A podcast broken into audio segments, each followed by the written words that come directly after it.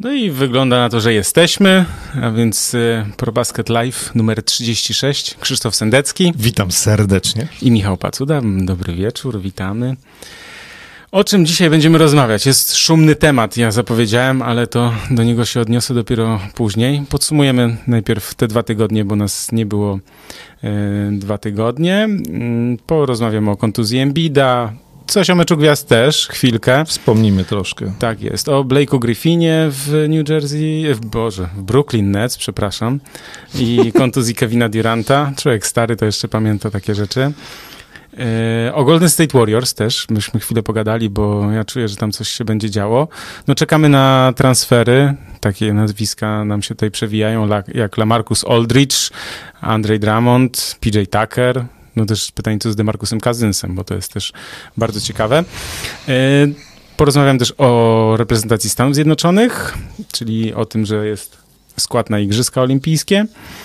No i o tej rewolucji ja powiem, tylko zdradzę temat, bo y, tak przygotowałem sobie taki dłuższy y, wywód nawet. Może będzie z tego dyskusja, może będzie z tego ciekawe też y, przemyślenia o rzutach z dystansu, bo taka nam się tutaj szykuje. Znaczy NBA się zmieniła, zrewolucjonizowała, można tak powiedzieć i pytanie jest teraz, czy ta rewolucja nie zostanie Y, odkręcona w pewien sposób, ale to przejdziemy jeszcze y, później do tego. Chwilę o y, kosmicznym meczu, numer dwa. To na koniec. Tak jest. Y, też o March Madness, czyli o tym, co się za chwilę zacznie dziać, szaleństwo w NCAA.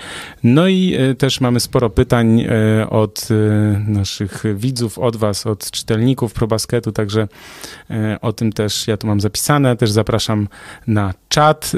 Przypominam oczywiście, że jesteśmy w Blaszak Studio e, w Starych Babicach pod Warszawą i można nas e, oglądać e, tutaj właśnie z Blaszak Studio. Można też nagrywać, jeśli ktoś chciałby też nagrywać, może podcasty, może jak w ogóle piosenki, to też może to robić właśnie w Blaszak Studio. Także zaczynamy. Krzysztof, proszę bardzo, oddaję Ci głos, jak to się ładnie mówi. Podsumuj może te dwa tygodnie. Powiedz, co tam się wydarzyło w tej NBA? Działo się trochę mniej niż normalnie, no bo mieliśmy przerwę na mecz gwiazd, więc siłą rzeczy meczów było trochę mniej. Patrząc na konferencję wschodnią, e, przede wszystkim e, ciągle bardzo szanuję i podziwiam Philadelphia 76ers, bo oni wciąż są na pierwszym miejscu na wschodzie, e, chociaż los ich nie oszczędzał, bo zaczęło się od nieszczęsnej wizyty u Barbera, panów Simonsa i Embida. Okazało się, że Barber ma koronawirusa, więc zamiast grać w meczu gwiazd, to poszli na kwarantannę. Natomiast gorsza informacja, znaczy gorsza rzecz wydarzyła się kilka dni później, kiedy grali z Washington Wizards, no i kontuzji nabawił się Joel Embiid i wszyscy wstrzymali oddech i, i, i zrobili przerażone miny, przynajmniej kibice Filadelfii, e, bo mm, wyglądało to bardzo źle i bardzo groźnie, natomiast po badaniach okazało się, e, że generalnie ta kontuzja kolana nie jest taka znowu groźna. E, dwa... Wrzucam, wrzucam link, jeśli ktoś chciałby zobaczyć, jak to wyglądało, to właśnie na czacie wrzucam link do tej sytuacji. Dwa, trzy tygodnie Embida nie będzie więc może jeszcze z dwa tygodnie. Natomiast oni zagrali już jeden mecz bez Joela Embida z San Antonio Spurs i wygrali go e, w ogóle łatwo, miło i przyjemnie i bardzo wysoko, 134-99. E, no i wyglądali dobrze.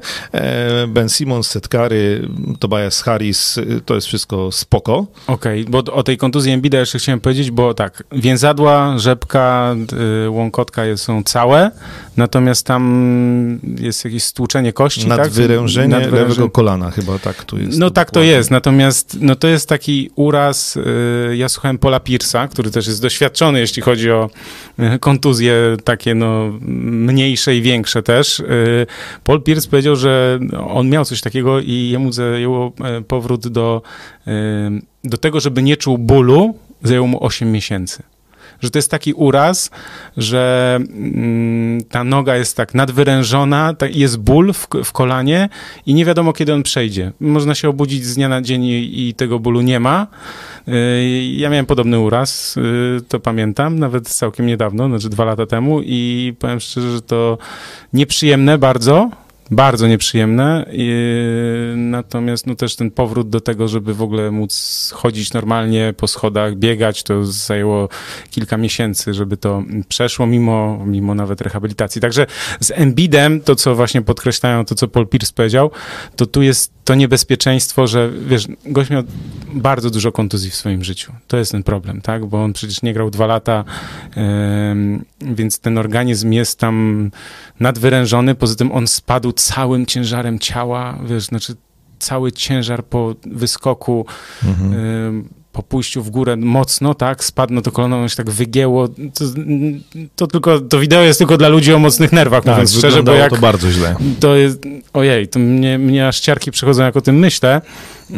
No więc tutaj trzeba wziąć po prostu to pod uwagę, że, ta, że ten uraz, no zobaczymy jak to się będzie goić, jak on będzie dochodził do siebie. Miejmy nadzieję, że to nie będzie takie, że on będzie w playoffach jeszcze to czuł na przykład, tak? Tylko żeby, że to, tak. miejmy nadzieję, że to pójdzie szybciej. Bo tylko mm, przypomnijmy, że no, główny kandydat do nagrody MVP w tym sezonie. zdań. Prawie 30 punktów, 11,5 zbiórki, ponad 3 asysty, półtora bloku, ponad jeden przechwyt, no w ogóle niesamowite liczby, niesamowita gra. E, z dwóch stron parkietu, bo to mnóstwo rzeczy w grze Filadelfii robi Joel Embiid, będąc e, liderem tej drużyny tak naprawdę pierwszy taki sezon, gdzie naprawdę możemy powiedzieć z czystym sumieniem, Joel Embiid jest liderem tej drużyny i naprawdę robi ważne rzeczy. To też będzie ciekawe zobaczyć, jak sobie bez niego będą radzili i w ataku, i w obronie e, gracze do Cariversa. E, natomiast mamy nadzieję, że wróci szybko, bo jednak bez niego e, no to byłoby trochę szkoda. Nie, no to wielka szkoda, bo to wiesz, no w końcu taki sezon rozgrywasz naprawdę.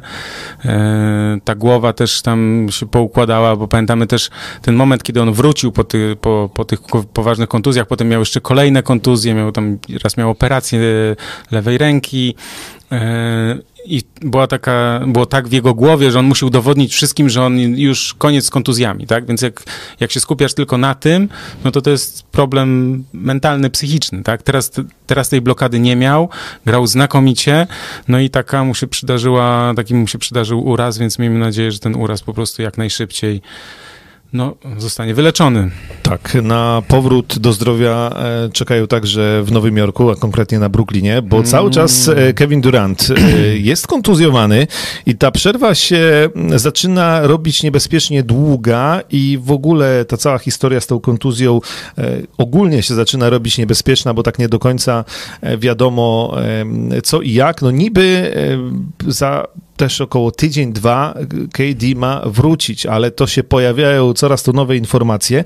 Plus jest taki dla Brooklyn Nets, że oni bez e, Duranta radzą sobie fenomenalnie i tak naprawdę no zobaczymy jak Philadelphia bez Embida będzie wyglądała, natomiast wydaje mi się, że to kwestia czasu, kiedy Nets wskoczą na pierwsze miejsce na wschodzie. Oni wygrali 12 z 13 ostatnich meczów. A y, Durant nie gra od miesiąca. Tak, i, i cały czas y, niby nic poważnego, ale jednak cały czas go nie ma. E, natomiast 12 z 13 wygranych ostatnich meczów, e, w tym mecz z Bostonem, w którym e, Kyrie Irving na jakiejś absurdalnej skuteczności grał, rzucił 40 punktów i właściwie wpadało mu tam wszystko. Kyrie Irving w ogóle jest w genialnej formie, absolutnie, absolutnie fenomenalnej. James Harden oczywiście jest też obok, jak e, Kyrie rzuca po 30 kilka albo 40 punktów, to on się troszkę usuwa, jeśli chodzi o zdobywanie punktów, natomiast cały czas kręci się w okolicach triple-double. E, Brooklyn Nets, to już mówiłem dwa tygodnie temu, że ja już jestem w stanie uwierzyć, że oni bez wzmocnienia pod koszem są w stanie zostać mistrzami NBA, mhm. ale e, wiemy, że pozyskali Blake'a Griffina mm, i o tym jeszcze chwilę zaraz pogadamy natomiast oni jeszcze cały czas mają pieniądze, żeby kogoś z tego rynku wolnych agentów e, zgarnąć i się wzmocnić. Więc to jest drużyna, która ma nieograniczone możliwości w ataku. To, to, to, to, jest atak, wiesz, jak bomba atomowa. Znaczy tam nie ma żadnych granic, tam jest wszystko możliwe. E, natomiast y, ta obrona też y, nie wygląda tak źle nawet w tym momencie. E, dobrze, do Blake'a Griffina jeszcze, jeszcze wrócimy, bo tam jest kilka wątków przy tym jego przejściu do mm, e, Brooklyn Nets y, mm, ciekawych. Natomiast y, jeśli chodzi o wschód i ostatnie dwa tygodnie, pomijam trochę Milwaukee Bucks, oni tam sobie grają, Janis robi swoje, e, gra dobrze, są na trzecim miejscu, natomiast na czwarte miejsce wskoczyli Miami Heat. E, ostatnich 11 meczów wygranych z 12, więc Miami Heat już są wreszcie e, wszyscy zdrowi, e, w optymalnej formie. I Jimmy Butler robi to, co robił Jimmy Butler. Słuchaj, pan koszykarz Jimmy Butler w ostatnich, no tych 12 meczach 28 punktów, 9 asyst, 6 zbiórek. To jest, to są jego średnie, średnie, a nie suma. Tak, to są jego średnie. Nawet przez pewien moment grali bez Adebayo, a i tak wygrywali poprawili obronę, no co było do przewidzenia, że oni jak dojdą do formy, no to zobaczymy tę drużynę, którą pamiętamy z bańki z poprzedniego sezonu i to się dzieje. Oni mm już w tej chwili są trzecią najlepszą defensywą w lidze, a początek mieli bardzo, bardzo powolny i mm, no zaryzykuje twierdzenie, które wcale nie jest ryzykowne, że oni tego czwartego miejsca już nie oddadzą, że ewentualnie mogą jeszcze pobić się o trochę wyższe, natomiast y, Miami Heat na ten moment wyglądają na drużynę, która się dopiero rozpędza i czwarte miejsce w tym momencie, może będzie jeszcze, jeszcze wyżej. E, Boston wciąż w kratkę, chociaż e, wrócił, wrócił Marcus Smart, Smart, więc to jest dobra -hmm. informacja. Na szóstym miejscu na wschodzie, i to jest kolejna drużyna, po raz kolejny przez nas wymieniana, którą wa warto śledzić, obserwować. A w którą ja wątpiłem, przyznaję ja się. też, oczywiście, że tak. Charlotte Hornets. E, w tym momencie seria czterech wygranych z rzędu. E, w tak, tym, 7 z, z 10. Tak, w tym e, pokonali Toronto Raptors, ale to, Toronto troszkę ma problemy. Lamelo Ball idzie po nagrodę mm, najlepszego pierwszoroczniaka. To nie ma co do tego żadnych wątpliwości wątpliwości. Znaczy tu nie ma, nie ma e, żadnych innych opcji. On od początku sezonu gra świetnie. On też został mądrze wprowadzony wbrew tam e, e, wszystkim e, rzeczom, które mówił jego ojciec, mądrze wprowadzony do tej drużyny. Zaczął od rezerwowego, dostawał coraz więcej minut, wychodzi w pierwszej piątce, on teraz potrafi grać po 30 parę minut. Tak jak w meczu na przykład właśnie z Toronto, gdzie w 31 minut 23 punkty, 6 asyst, 9 zbiórek, 6 na 9 za 3 no i dwie straty tylko do tego. E, I pamiętajmy, że Gordon Hayward e, gra cały czas świetnie oraz genialnie gra Terry Rozier. To jest też dla mnie zaskoczenie, bo ja miałem takie poczucie, że to jest taki zawodnik, który jak w Boston Celtics grał, że dobry taki tak zwany zmiennik, tak? Czyli jak trzeba przeciwko rezerwowym, to on jest świetny, natomiast potem ten kolejny sezon w Charlotte pokazał, że oczywiście on jest w stanie rzucać po dwie dychy średnio, a nawet więcej, tylko że kwestia jest taka, że drużyna nie wygrywała, tak? Ja zawsze mówię, że to, że ktoś rzuca 20 czy nawet 30 punktów, to super, tylko pytanie, czy drużyna wygrywa. No i nagle Charlotte Hornets wygrywają. No i uważaj, bo wiesz, nawet no. Cody Zeller wygląda na dobrego centra. O, kochany, Cody Zeller to jest mój styl draftu na ESPN-ie po prostu w fantazy już od dobrych trzech lat, naprawdę, w sensie Więc... ja, go, ja go mam zawsze w składzie. Więc... Y tak. Y, doceniamy. Michael Jordan ostatnio był na meczu i nawet miał powody, żeby bić brawo. E, po dłuższej nieobecności się MJ pojawił, żeby zobaczyć, jak tam idzie jego drużynie, a idzie bardzo dobrze. E, mają teraz trudny sprawdzian przed sobą, bo jadą na zachód i kilka naprawdę ciężkich meczów z czołówką zachodu. To jest zawsze taki sprawdzian, to co mówisz, serie wyjazdowe na zachód, kiedy gra się na przykład, nie wiem, zawodnicy są przez 10-14 dni poza domem, jeszcze pamiętajmy o, wiesz, o pandemii, o obostrzeniach i tak dalej, siedzenie w, e, tylko w hotelu, no tam głowa też mocno pracuje i to jest zawsze bardzo trudne. A jak wrócą z tego zachodu, to u siebie mają Miami i Phoenix, więc naprawdę, naprawdę ciężka seria. Zobaczymy, jak sobie poradzą. Na razie są na szóstym miejscu, czyli łapią się bezpośrednio do playoffów. E, na siódmym miejscu spadli New York Knicks e, i mówiliśmy, że dwa tygodnie temu byli na czwartym, że e, oczywiście troszkę za wysoko. Knicks grają świetną koszykówkę, nie trzeba dodawać nawet, że świetną jak na New York Knicks, mm -hmm. tylko po prostu świetną. Wszystko, co się dało, Thibodeau wyciągnął z tej drużyny, natomiast, natomiast czwarte miejsce to była przesada. To, to było wiadomo, że, że no nie. E, może playoffy, e, Pewnie play-in, ale, ale nie czwarte miejsce, więc oni trochę spadli, ale też trzeba pamiętać, że Derrick Rose nie grał, a Derrick Rose tam się stał bardzo szybko, bardzo ważną postacią z racji tego, że no oczywiście daje punkty, e, daje asysty, mm, jest, no można powiedzieć, jednym z liderów tej drużyny, weteranem wnoszącym doświadczenie, natomiast dał też odetchnąć paru zawodników, ym, temu twojemu ulubieńcowi yy, Quickly, trochę, te, a chociaż też teraz całkiem dobre zawody bez Derricka Rose'a. Derrick Rose, nikt nie potwierdził chyba, że on ma koronawirusa, oficjalnie z powodu protokołu COVID-19 go nie ma, ale Wiesz podobno... co, no może właśnie miał kontakt, tak jak z Simons y, Może, z ale Embiidem, tam tak? dziwne No, były historie, bo Thibodeau mówił, że nie wie, kiedy on wróci i tak dalej. Podobno na mecz z Filadelfią najbliższy już Derrick Rose może być w składzie, więc, e, więc tak. E, ze wschodu jeszcze warto wspomnieć o tym, że podziałał, jak to się ładnie mówi, efekt nowej miotły w Atlancie. Jest nowy trener. No i zga- no, to też, to też nie jest żadna wiedza tajemna. Oni mają skład na playoffy, e, więc Atlanta po prostu grała poniżej oczekiwań, poniżej tego, co jest w stanie grać. No i ostatnio e, z nowym trenerem gra dużo lepiej i wygrywa. Już się w tej chwili do ósemki łapie. Mm, Toronto Raptors myślałem, że będzie jak z Miami Heat, że oni po słabym starcie e, będą e, wysoko, natomiast oni, im się teraz trafił problem właściwie no, jakiś czas temu już teraz to się ciągnie z koronawirusem. No to niestety. E, to... Bez Siakama, bez Van Vlita, bez Anunobiego, e, więc wszystko pan Kyle Lowry ma na głowie. Jeszcze ma na głowie plotki transferowe. Jeszcze ma na głowie plotki transferowe, więc jest ciężko e, w Toronto Raptors. No i ze wschodu chciałem powiedzieć, że e, no Wizards trochę odpuścili ostatnie cztery porażki, e, więc tu jest Ja się przygotowuję, ciężko. bo przypomnę, że wiem, ja wiem. mówiłem, że będą w playoffach, jak nie będą, to zrobię 10 pompek, także ja już zaczynam powoli trenować. Wiesz, Natomiast to... play-in na wschodzie cały czas jeszcze w zasięgu. Jestem rozczarowany Orlando Magic. Pamiętam, że przed sezonem mówiliśmy, że Orlando e, jest, e, będzie za słabe, bo tam się nic nie wydarzyło, jeśli chodzi o skład, e, jakby na ten wschód, który będzie bardzo wyrównany. Mhm. Później oni świetnie zaczęli i wydawało się, że skorzystają z tego, że to krótszy sezon, że oni właśnie są już zgrani.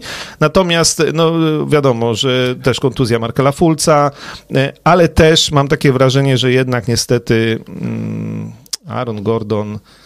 To Aaron Gordon, no niestety, ja Znaczy, miałem ogromne nadzieje z nim związane. Od kilku lat uważałem, że to jest po prostu, teraz będzie jego sezon, teraz będzie jego sezon. Chyba się Potem- nie doczekamy. potencjał, słuchaj, sprawność fizyczna, y, wzrost, wyskok, to ułożenie, siła, ułożenie rzutu, wszystko jakby ma, ma wszystko to, żeby być naprawdę bardzo dobrym zawodnikiem, natomiast no tutaj myślę, że po prostu takie czynniki, no najczęściej czynnik głowa, no czasem ktoś po prostu nie jest w stanie przeskoczyć na ten poziom wyżej. Ja miałem nadzieję, bo strasznie lubię go, w sensie jego dobre mecze są świetne zawsze, natomiast on niestety też przeplata je słabymi. Słuchaj, ja mam taki pomysł, żeby z, zanim przejdziemy do zachodu, bo ja mam pytanie i żebyśmy potem nie wracali, ja sobie zapisałem trochę pytań i na przykład Patryk Ciesielski pytał nas, dlaczego tak mało mówi się o jak niesamowity jest James Harden, gracz, który już był trzy razy królem strzelców, yy, a teraz prawdopodobnie będzie po raz drugi najlepszym asystującym. Za mało się mówi o jego talencie, o tym, jak jest dobry, jakim jest dobrym graczem. Czy my mało mówimy o tym? Moim zdaniem James Harden jest wybitnym zawodnikiem. Jest jednym z najlepszych. Y, Oczywiście muszę dodać, niekoniecznie to oznacza, że moim ulubionym na przykład, bo tak nie jest. Natomiast, Ja natomiast lubię, ja lubię, No. ja lubię Lewitka, słuchaj, tam z Lewitki, ja lubię, wiesz, no ja lubię jak Houston grał na wyjazdach, tak, i on tam potrafił, potrafił, przepraszam, potrafił rzucać, trafiać takie niesamowite rzuty, natomiast trochę się nie mówi o tym, bo on też strasznie dużo rzucał, tak, strasznie dużo tego klepania w miejscu, kozioł, kozioł, kozioł, kozioł za plecami, pod nogą, pod nogą, za plecami i jeszcze step back z czterema krokami, natomiast, y, więc to jest to mogło być irytujące dla wielu osób, to na pewno. Natomiast no, to, że wielkim koszykarzem jest, to nie ulega wątpliwościom. Dl- Dlaczego się tak mało mówi? Ja nie wiem, czy się mało mówi. Wiesz co, poza tym żyjemy w erze TikToka, więc No, James Harden Jezu, też jest Jezu. takim zawodnikiem właśnie kontrowersyjnym ze względu na, e, powiedzmy, styl gry, e, że łatwo wyciąć jego straty, jego, Albo jego słabą obronę. jego słabą obronę, Bo, która słuchajcie, wcale to- nie jest tak słaba. Nie, to jest mega silny gracz, który potrafi, jak mu się chce, potrafi ustać w obronie, ale trochę, zobacz, nie wiem, kilka wpadek, kilka odpuszczonych, na przykład, że nie wiem, nie, nie wiem, nie wybronił, na przykład szła kontra i on nie wybronił, odpuścił, tak? I to od razu jest wycinane i wiesz, i przykleja się łatka jak do Otto Portera. Pamiętasz, jak on mm. tam stał, po czym obrońca mu uciekł, ten nie wie, co się dzieje i dopiero, wiesz, ruszył za nim. To jest, no, do Otto Portera już taka łatka e, z, z, już z nim zostanie, tak, do końca jego kariery. I tutaj myślę, że to samo jest też taki, taka może być, e, no trochę, trochę też taka, taka, no, łatka, że, że on na przykład no, nie broni. Ma wielu przeciwników James Harden, e, ale nie ma co do tego wątpliwości. No jedna z największych gwiazd NBA, jeden z najlepszych koszykarzy grających w NBA, absolutnie. I jeszcze drugie pytanie jest, bo to od razu do wschodu. E, Michał Bochnowski, co myślicie o Milwaukee Bucks? Bilans mają dobry, lecz mają problemy z lepszymi drużynami, na przykład z Denver Nuggets. Czy mogą powalczyć o finał NBA? Móc mogą, e, natomiast ja z... znowu trochę patrzę przez pryzmat poprzednich sezonów na Milwaukee Bucks i mm -hmm. wydaje mi się, że są silniejsi niż byli w poprzednich sezonach, natomiast też wydaje mi się, że silniejszych drużyn jest ogólnie więcej i powiem ci, na ten moment, jak miałbym stawiać, to, to prędzej bym powiedział, że w finale NBA ze wschodu to będzie Brooklyn Nets niż Milwaukee Bucks. Na papierze tak się też wydaje, jeśli Durant będzie zdrowy. Natomiast z Milwaukee jest ciekawa mm, kwestia, opcja, że Janis też to powtarza. Y, I to widać też po jego stylu gry, że on już, on nie idzie po MVP, on nie, musi, nie chce być już najlepszy z najlepszych teraz w sezonie zasadniczym. Wydaje mi się, to jest tylko teoria, ona się nie, nie, nie, niekoniecznie musi sprawdzić, ale może być tak, że naprawdę on przygotowuje się mentalnie do playoffów, wie, że playoffy są najważniejsze i to jest najważniejsza kwestia, że on teraz nie wiem, buduje, buduje, nazwijmy to, zaufanie do swoich partnerów. Czyli wiesz, czyli że, mm, że chce, że przed playoffami ta drużyna musi być najmocniejsza. Nie chodzi o to, że on ma rzucać po 30 czy 40 punktów, tylko on teraz, sprawdzają też różne ustawienia w ataku i tak dalej, i tak dalej. Wiadomo, że tam był problem z, też z koronawirusem oczywiście w drużynie. Natomiast ja bym takiego, nazwijmy to, średniego sezonu zasadniczego, a nie dominacji, tak jak we wcześniejszych latach, w sezonie zasadniczym Milwaukee Bucks, ja bym tego y, nie przekreślał, czy nie brał jako czynnik, który miałby wpłynąć na ocenę tej drużyny. Moim zdaniem oni, bez względu na to, czy będą na drugim, trzecim, czy czwartym miejscu, to moim zdaniem, a mogą być nadal na pierwszym, bo przypomnijmy, że te drużyny mają, mm, jak w tabelę patrzymy, to jest 12 porażek, 13, 14, a potem trzy drużyny mają po 18, tak? Także to jest naprawdę, jeszcze mnóstwo się może zmienić. Tak jest i mm, też, bo oni bodajże ostatni mecz z Wizards wygrali, ja sobie to jeszcze sprawdzam, bo tak mi coś świta, że właśnie mm, jakby dodając do tego, o czym ty mówisz, że buduje e, jakby siłę tych swoich kolegów z drużyny Janis, e, bo on w tym meczu zaliczył e, triple-double, tak jest, z dziesięcioma asystami. Natomiast, natomiast w tym spotkaniu muszę policzyć. Raz, dwa, trzy, cztery, pięć, sześciu, siedmiu w sumie zawodników zdobyło 10 lub więcej punktów. I to, to pokazuje, to, tak, to, to jest to, czego mówię, w no. Milwaukee no. brakowało, tak. e, szczególnie w playoffach, więc e, myślę, że spokojnie oni też e, wystarczy popatrzeć na, na wyniki. 8 bodajże z 9 ostatnich meczów wygranych, więc ja dzisiaj Milwaukee troszkę tam na wschodzie pominąłem. E, Nawet Wydaje się, że w, w takim 10.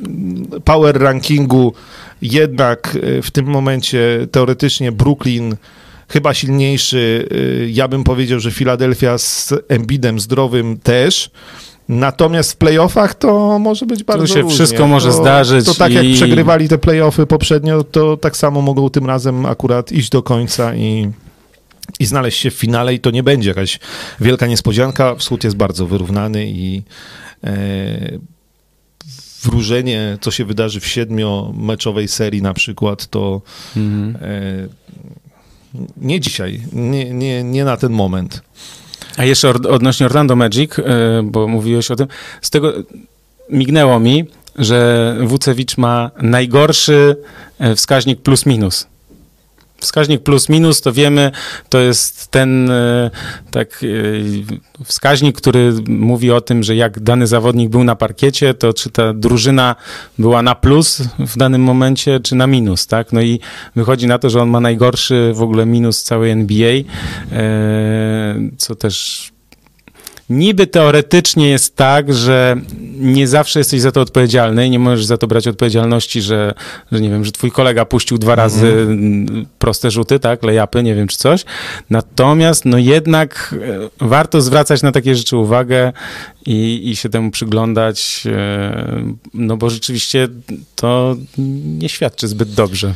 No nie, e, ale w ogóle Orlando ostatnio tam nic o niczym nie świadczy dobrze, więc tak sobie możemy przejść do zachodu. Mm, nie widzę mistrza na wschodzie, napisał Wojciech.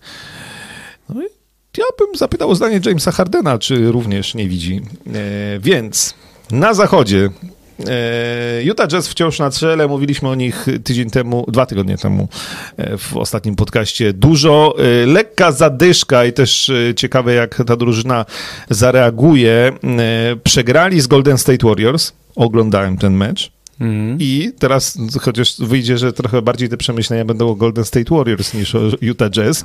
Natomiast, jak już obejrzałem e, dogłębnie i, przemyślałem, to e, Golden State Warriors wyglądali tam jak mistrzowie NBA. No, wyglądali tak, jakbyśmy się kilka sezonów cofnęli. No to. to. E, słuchaj. Daleko, daleko idące nadużycie. Steph Curry gra fantastyczny sezon, co do tego nie mamy żadnych wątpliwości. On tam rzucił 32 punkty, 6 na 9 za 3, w ogóle mm. 9 asyst, 5 zbiórek, y, rozgrywający, strzelający, wszystko.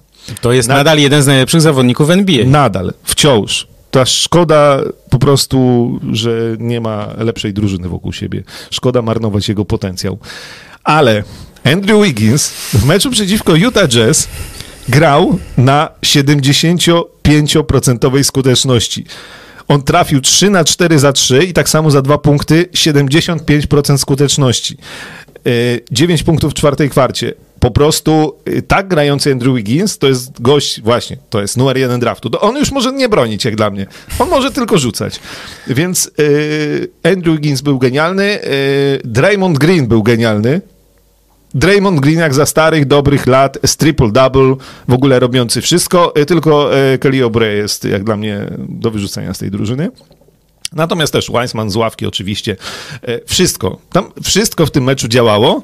Mhm. Oczywiście Golden State Warriors ma mocne wahnięcia e, ze względu, i to nawet Steph Curry niedawno mm, się bardzo zdenerwował na swoich kolegów, e, bo, bo dużo właśnie, za, bo takie mecze niestety Wigginsowi się zdarzają dosyć rzadko.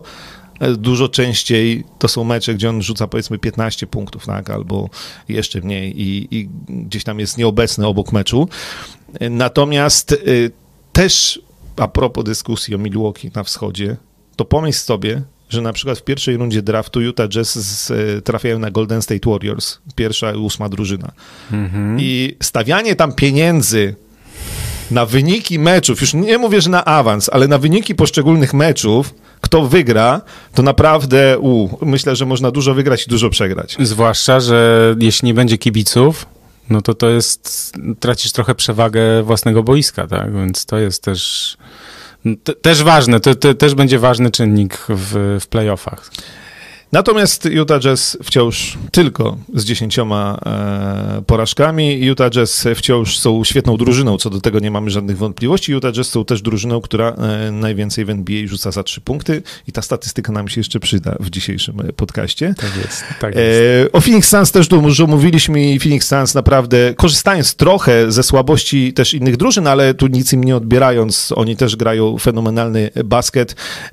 z ostatnich 10 meczów 8 wygranych, oni są na na drugim miejscu na zachodzie. Natomiast na trzecim trzymają się Los Angeles Lakers.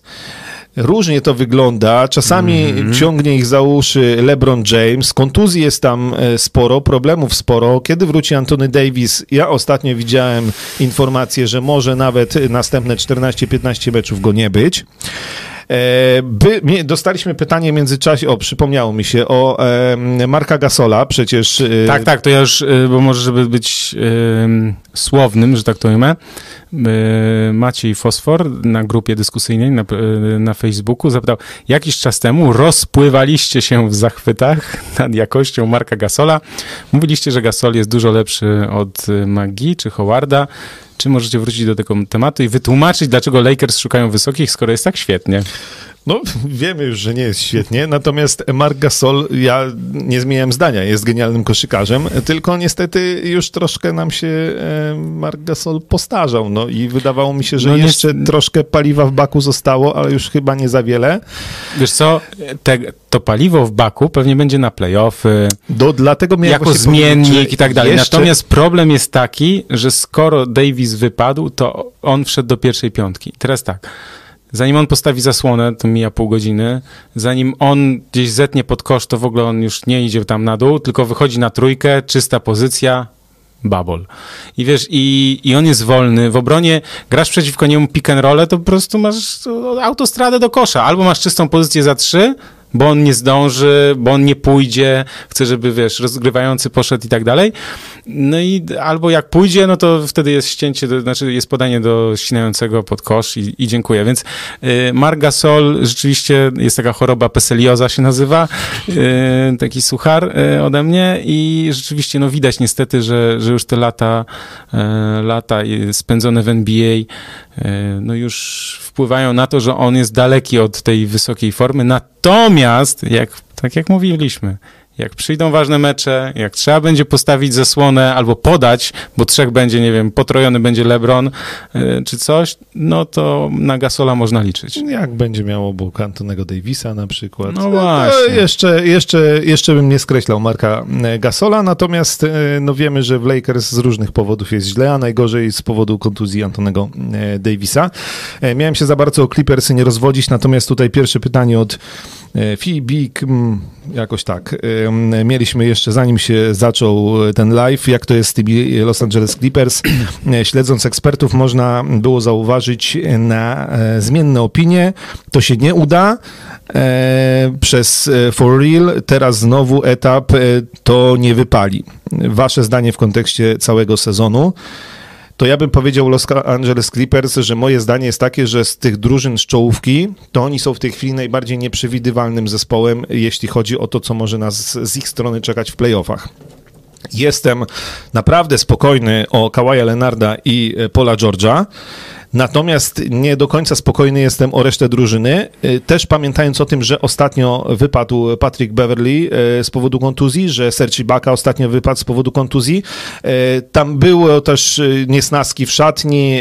Kawhi Leonard skrytykował drużynę. To chyba dobrze wpłynęło, bo oni ostatnio, ostatni mecz z Dallas Mavericks, z którymi przypominamy w tym sezonie przegrali 51 punktami rekordowymi. Teraz się zrewanżowali. Oczywiście nie w takich rozmiarach, natomiast dosyć spokojnie wygrali wygrali, dobrze wyglądali i Reggie Jackson e, zamiast Beverleya i Iwica Zubac zamiast Ibaki wyglądali naprawdę, naprawdę dobrze, szczególnie Reggie Jackson.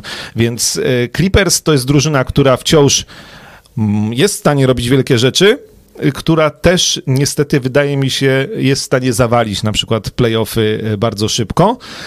E, bo y, będziemy za dużo wymagać od Kawaja Leonarda i Paula George'a i oni sami mogą tego nie uciągnąć. Y. No tak, no bo tam nie ma tej tak zwanej trzeciej opcji, bo Patrick Beverly robi, robi dużo hałasu i dużo szumu i jak to się mówi, dużo wiatru e, i to, jak jest, wiesz, hala 20 tysięcy kibiców i tak dalej, albo ma ich przeciwko sobie, albo za sobą, to jest od razu dla niego, wiesz, plus 5 do zbroi.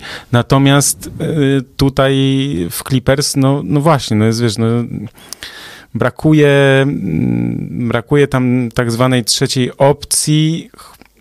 Jest jeszcze taka rzecz, że ja trochę nie mam takiego zaufania, że Kawhi Leonard i Paul George są w stanie, są w stanie pociągnąć tę drużynę na zasadzie właśnie takiej, jak się pali, wali, tak jak to było w bańce, tak? Czyli, że nie ma tego wokalnego lidera, jak to się mówi, tak? Czyli tego, tego co zabrakło im w poprzednim sezonie i, i teraz jest podobnie.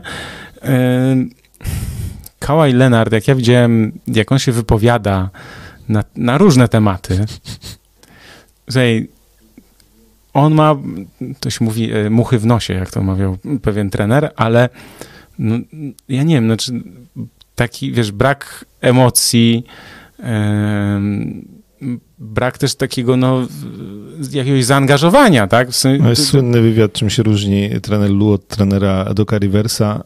No, to dwaj zupełnie inni ludzie.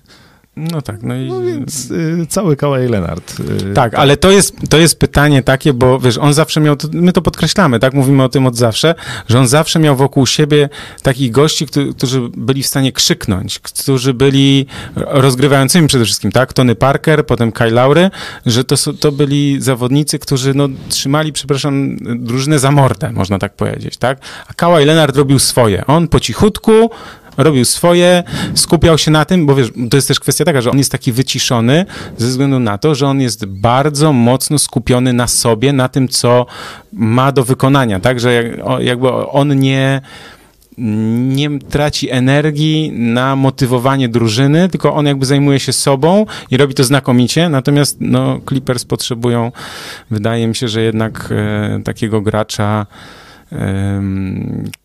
który właśnie no, będzie brał ten ciężar gry na siebie, nie tylko w kontekście gry samej, ale też nazwijmy to ciężar gry takiego no, emocjonalnego, nie wiem, motywacji.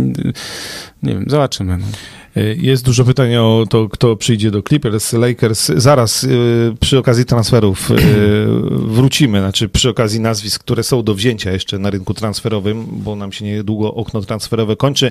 Natomiast y, kończąc ten wątek tych najciekawszych rzeczy na zachodzie, Denver Nuggets trochę jak Miami Heat po nie najlepszym początku, tam trochę z innych powodów, natomiast już są na piątym miejscu i mm, wydaje się, że już raczej, raczej raczej stąd nie wypadną. Portland, dobra informacja, CJ McCollum jest coraz bliżej powrotu, już naprawdę blisko i nie będzie musiał wszystkiego sam robić e, Damian Lillard e, i, i to jest jakaś tam szansa, natomiast oni i tak to szóste miejsce to uważam, że ogarniają, znaczy Damian Lillard ogarnia w miarę nieźle, że, że są tak wysoko.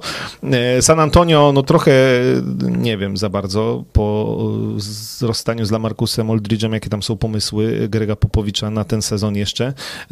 Na razie, na razie mieszczą się w play-in na spokojnie.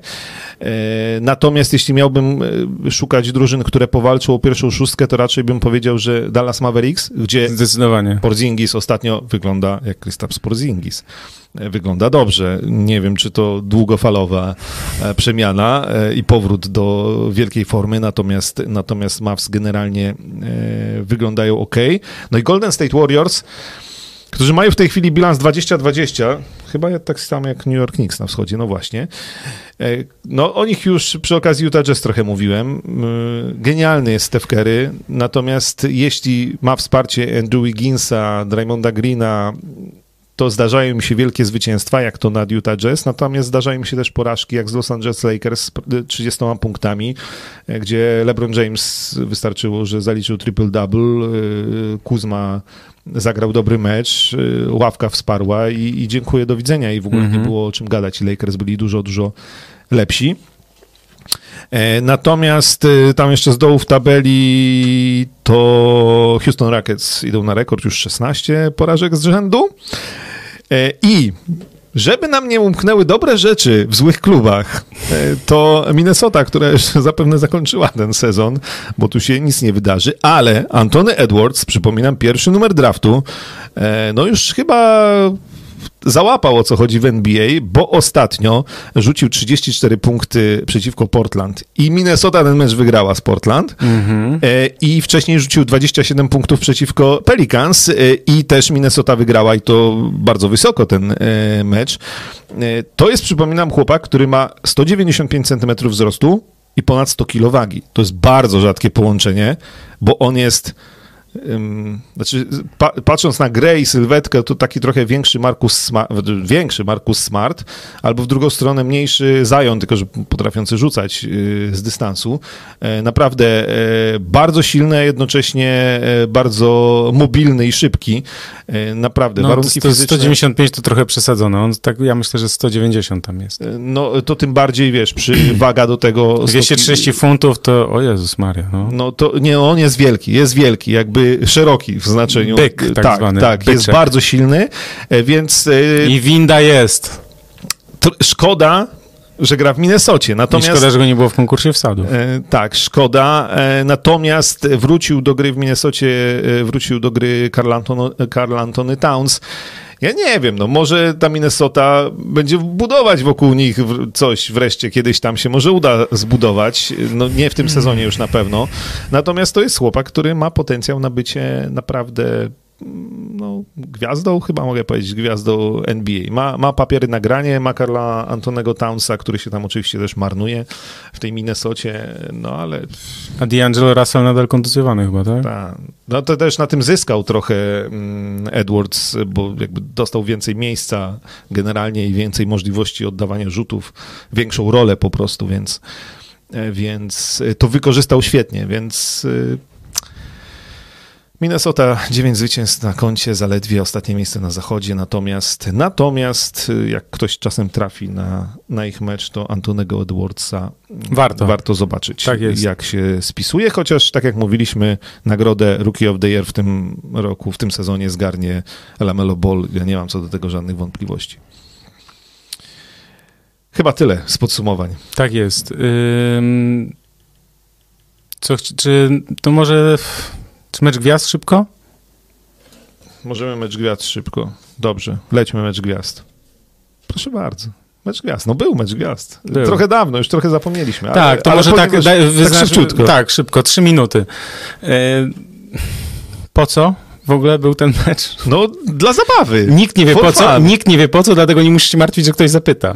No to, Pieniądze i zabawa. I tak, nie, ale poczekaj, ja tylko powiem tak. Ja miałem takie wrażenie, oczywiście nie oglądałem na żywo, bo to już wiadomo, że takich rzeczy się nie robi.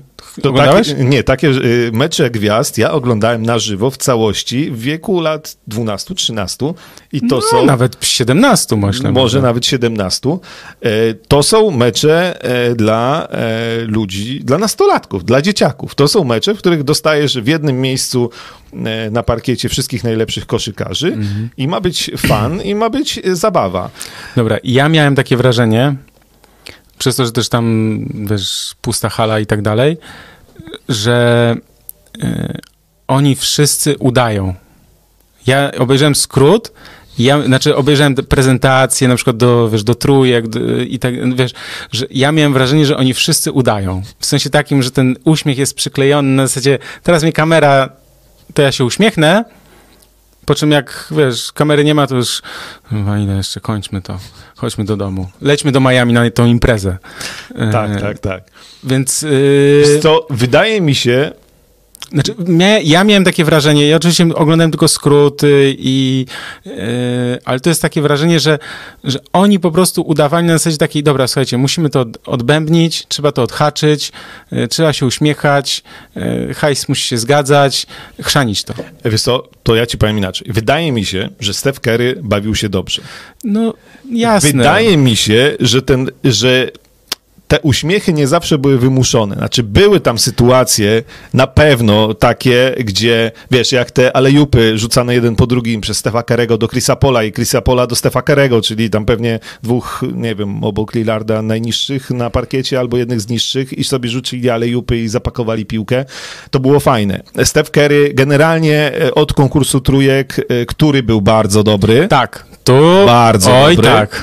Emocje były. do ostatniej piłki i, e, i wprowadzenie tych zielonych piłek za trzy też e, wydaje mi się były niezłym pomysłem, chociaż trochę pod Stefa e, Kerego. Szkoda, że Lillard e, nie, nie, nie startował. Natomiast e, Steph Curry bawił się znakomicie.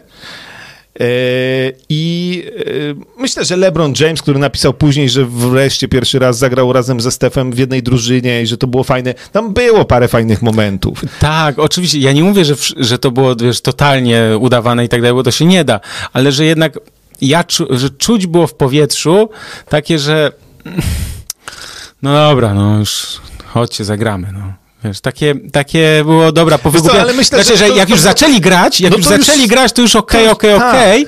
Natomiast wcześniej, wiesz, bo wcześniej jak jest weekend gwiazd, to są imprezy do białego rana, wiesz, oni kończyli pewnie tam, zamykali, wiesz, y, jak to mówią, zamykali kebaba, no, na Nowym Świecie po prostu, wiesz, no, że wiesz, jest balet, impreza, jest fajnie, wesoło, dobra, wieczorem sobie pykniemy w, y, tam, wiesz, mecz gwiazd, powygłupiamy się, jest dobrze, jest fajnie, miliony kibiców, nas oglądać w ogóle i tak dalej.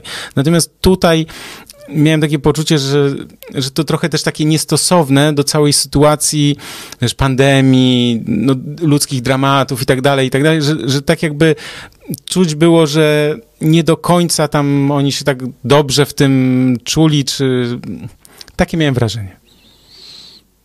Ja jednak jestem większym optymistą, że trzeba trochę rozrywki zapewnić ludziom także w pandemii. I generalnie. Nie, no, e, tak. No. E, nie oglądałem na żywo, znaczy oglądałem następnego dnia. E, natomiast uważam, że. E, nie było tak źle. powiedzieć, to e, lepiej, że ten mecz był, niż go nie było. No bo co mielibyśmy? Mielibyśmy przerwę i mielibyśmy tylko imprezę w Miami i tyle, i, i nic poza tym. Tak, bo jest I... taka plotka, to jeśli ktoś nie wie, to jest taka plotka, że podobno 150 zawodników poleciało w tej przerwie do Miami, bo e, Brian Windhorst z ESPN e, o tym doniósł, ponieważ e, zawodnicy muszą się testować cały czas, regularnie i bardzo wielu akurat robiło to w Miami. Podobno samoloty też te prywatne poleciały zaraz po meczu w Atlancie, poleciały dołączyć w, do tych imprez, imprezowiczów w Miami, tak? Więc to jest... E, aczkolwiek, no słuchaj, chwila, parę dni minęło i nie mamy jakiejś fali zakażeń, więc A, może, może to było tak, że oni... w byli w Miami. A może po prostu we własnym gronie na plaży, wiesz. No... Może. Mm, o konkursie wsadów chcemy coś powiedzieć?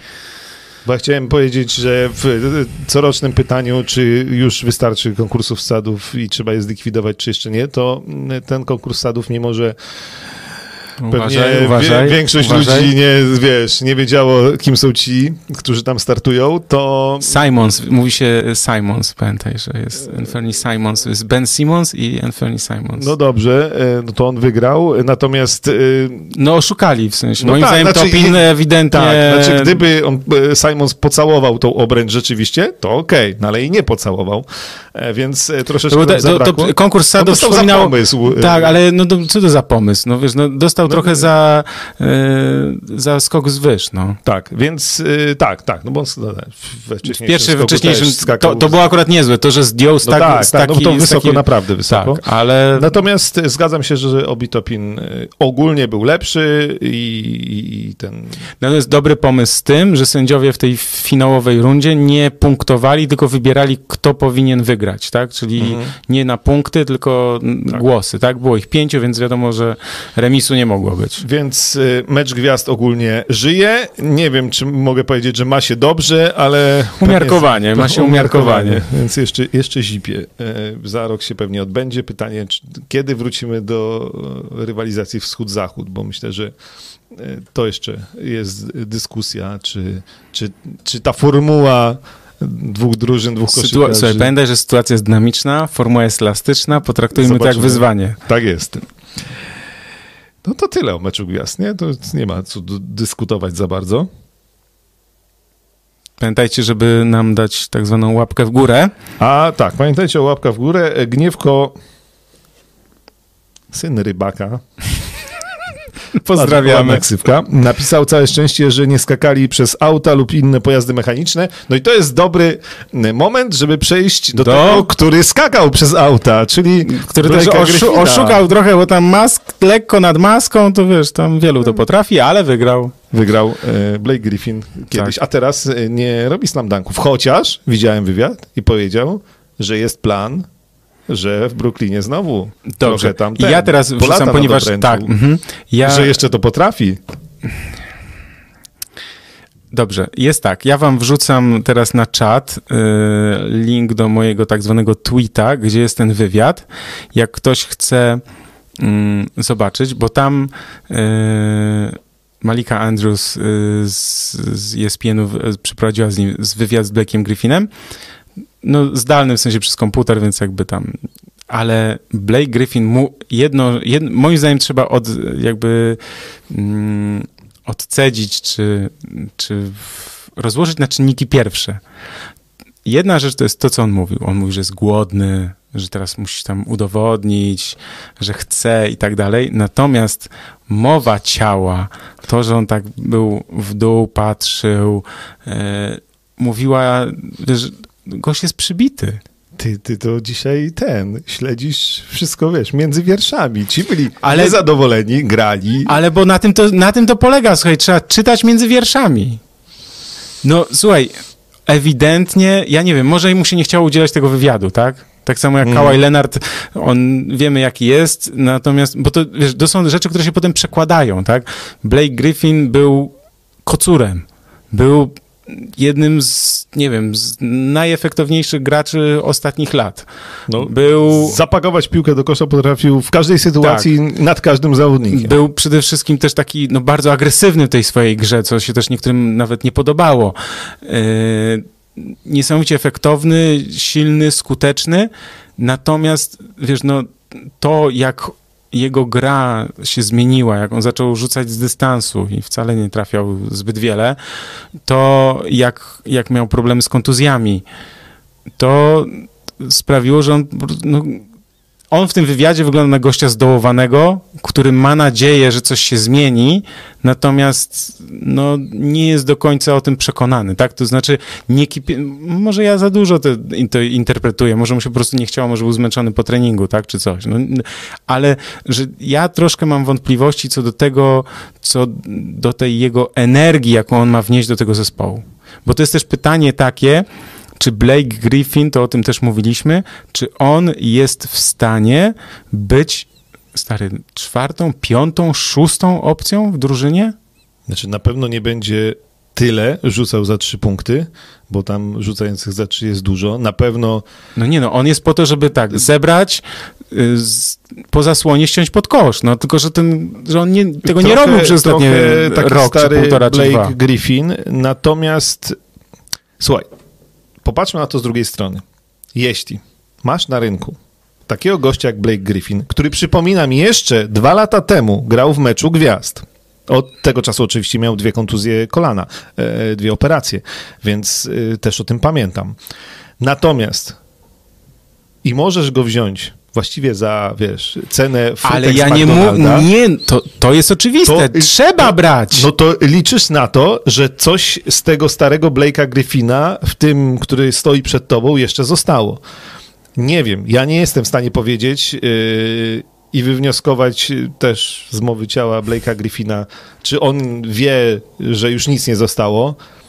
Ja nie twierdzę, że być może będzie tak, że on naprawdę będzie grał bardzo dobrze. To znaczy, że będzie w stanie tu postawi zasłonę, wiesz, będzie miał też mnóstwo tak zwanych ciasteczek, czyli będzie sam na sam z koszem, bo DeAndre Jordan też po prostu mnóstwo dostaje takich podań, gdzie, wiesz, no, musi pójść, pójść dwóch obrońców do, do Duranta, do Hardena, do Irvinga, więc wiadomo, że on, wiadomo, że będzie lepszym e, zawodnikiem, e, będzie mu się dużo łatwiej grało, będzie dużo lepszym zawodnikiem niż go widzieliśmy ostatnio w Detroit, ale no, pytanie jest takie, czy... No też Marcin Pankowski tu pisze, Mhm. że e, panowie Nets to go wzięli na 12 minut na mecz e, przeciwko drugiej rotacji przeciwnika, nie po to, żeby był starterem. Ja nie jestem do końca przekonany.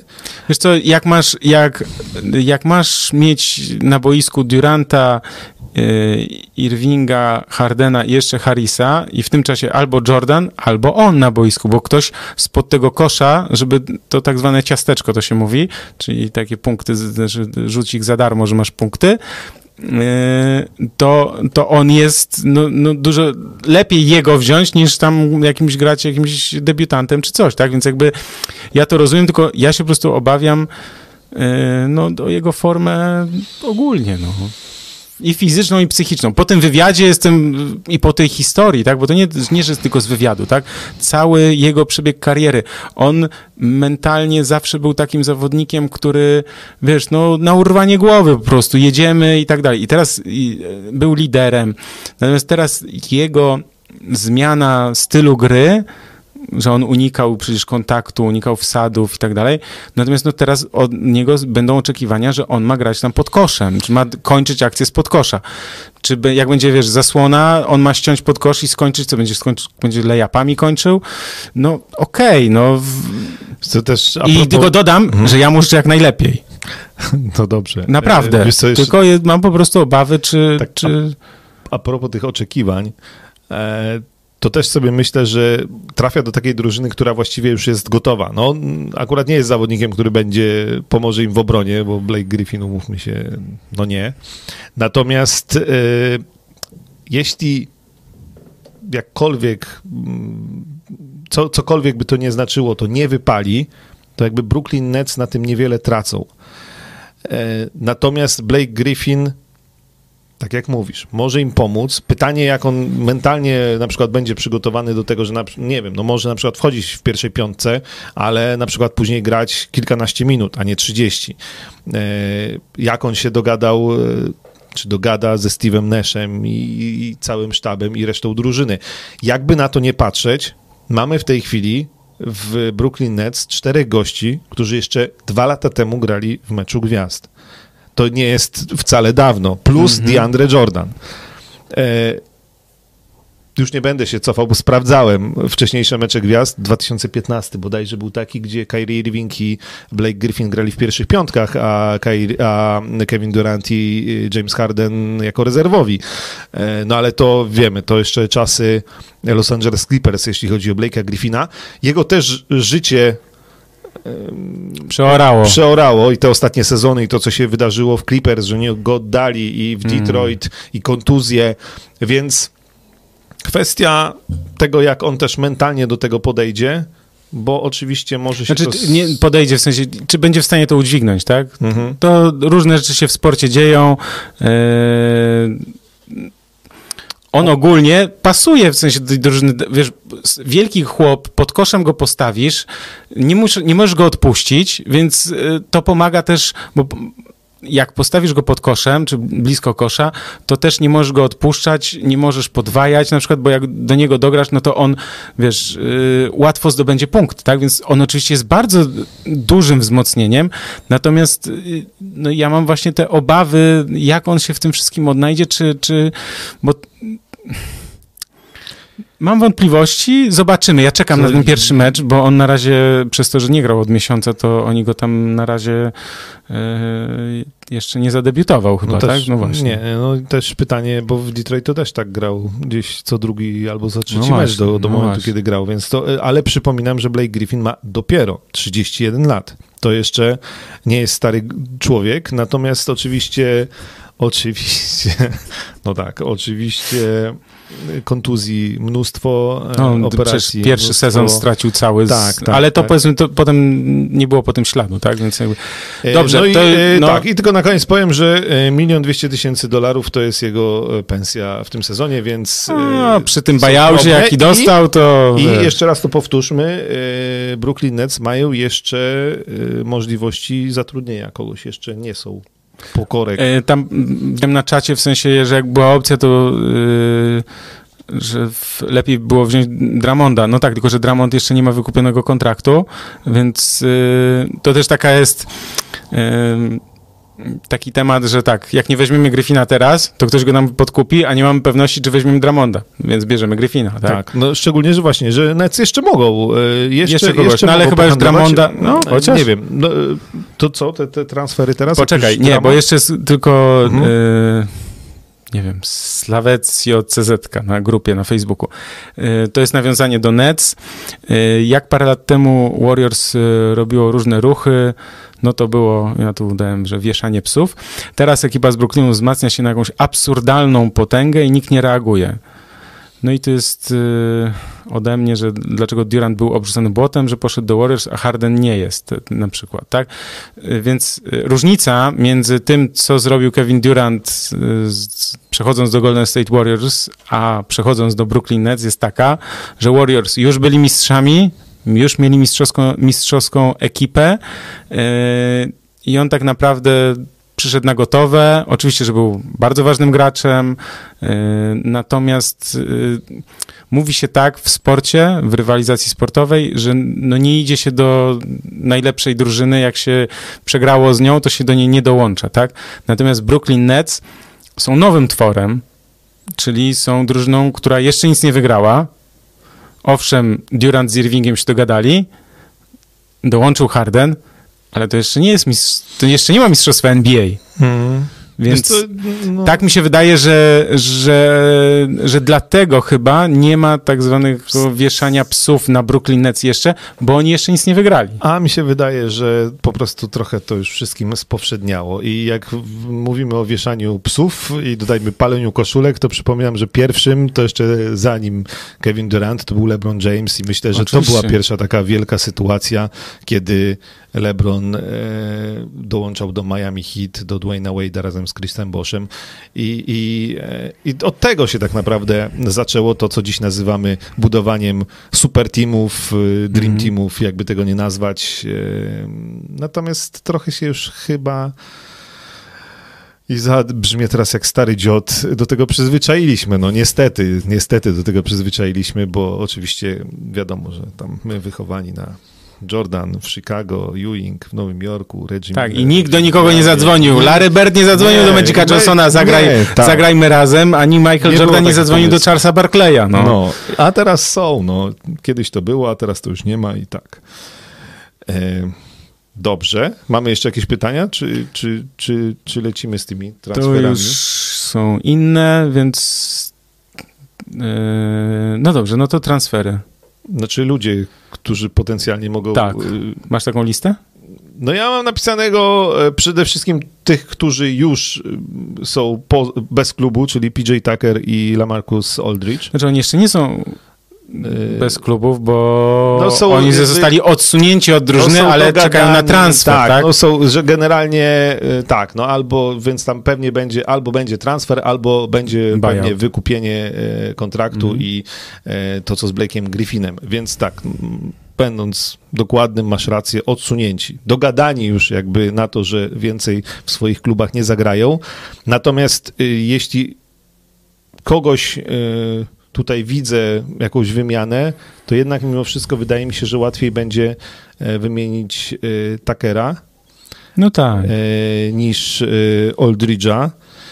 I także dlatego, znaczy myślę, że przede wszystkim pieniądze jednak, bo, bo Lamarcus Aldridge w tym sezonie ma 28, 24 24. miliony, Mhm. więc to jest dużo. Natomiast PJ Tucker, żebym tu nie przekłamał, 8 milionów za ten sezon. E, Chciał więcej, nie dogadał się z Houston Rockets, później tam się oczywiście odejście mm, Jamesa Hardena, Russella Westbrooka, wszystko się posypało. Miało, przez chwilę było w Houston lepiej, ale generalnie generalnie mm, no, nie wypaliło i jemu się już to nie podoba. E, Znaczy, ich obu będzie ciężko wymienić, bo najlepsza sytuacja jest taka, wiesz, z nimi jest, obaj są starzy, mają po 35 lat. Lamarcus Aldridge ostatnio, no kiedyś to była gwiazda NBA, to, był, to jeszcze w San Antonio w poprzednich sezonach. To był w Portland też, No, w to w Portland, Portland to w też ogóle, w ogóle, no, to był, no. wiesz, człowiek pokroju All-Star, nie? Przecież on grał w meczach gwiazd tak dalej.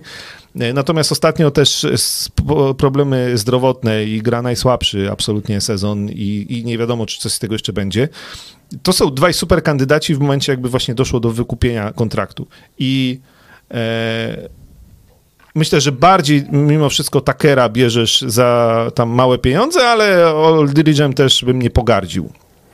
Tak jako ludzi, którzy uzupełnią e, skład. Znaczy co do Takera, to mam wrażenie, że że to jest taki pewniak, że jak za niewielkie pieniądze go weźmiesz, to on Mhm. nie zagra ci jakichś wielkich minut, nie zrobi wielkich rzeczy, ale będzie świetnie bronił, jak go postawisz Tak, na będzie się parkiecie. nie... Ja trójkę trafię. Trójeczkę rzuci, Oczywiście. więc... e, Los Angeles Lakers mówią Wiesz, ja- welcome. Tak, ja, ja bym mu kontraktu na następny rok nie zaproponował, natomiast do końca tego sezonu e, proszę bardzo. No ja No przypominam, że on w ogóle w Houston chciał e, 24 miliony za dwa lata przed tym sezonem. Mhm. E, no i tego nie dostał. No też jedna, jeden z powodów, dla których teraz już tam nie bardzo się widzi, y, jako że jakby sportowo też nie wypaliło. Dobra, czyli jest tak, że te drużyny nie wykupują tych kontraktów, bo czekają, że może ewentualnie uda się transfer. Teraz jest taka, na probaskecie jest ostatni news, Dominik Kołodziej go właśnie dzisiaj e, dodał, podrzucam, bo mówi się o tym, że New York Knicks chcieliby Dramonda i Cleveland podobno chcieliby po prostu jakiegoś czy debiutanta, czy młodego gracza, czy na przykład wybór w drafcie, tak? Czyli żeby... To jest, to jest tak, że wszyscy czekają na ruchy takich drużyn właśnie jak Cleveland. Czy wykupią ten transfer i wtedy ustawia się kolejka chętnych, no czy jednak próbujemy yy, i, i dokonujemy transferu, coś oddajemy, tak? To jest ryzyko, wiadomo, że drużyna, która będzie najbardziej potrzebować i będzie mogła spełnić te, te wymogi, to, to się zgłosi, natomiast mm, ja bym przewidywał, że chociaż trudno coś przewidywać. Taki Nowy Jork, to, to wiesz, to może go przyjąć właśnie po to, żeby, wiesz, przyjść, bo to jest też po co się bierze zawodnika w ostatnim roku kontraktu. Oddaje się wiadomo, żeby pozyskać kogoś młodego, perspektywicznego yy, i żeby nie płacić tylu pieniędzy. Natomiast takiego Dramonda w Nowym Jorku mogą chcieć, bo mu powiedzą, słuchaj, przyjdź do nas teraz, zobacz, jak u nas jest fajnie, w, Nowym York, w, no, w New York Knicks, tak? Teraz to jest Gdzie, fajnie, no. Teraz jest fajnie, no tak, może w, na parkiecie tak, ale tam w tym klubie nadal mm. dziwne rzeczy się dzieją. Yy, zaproponujemy ci latem kupę kasy.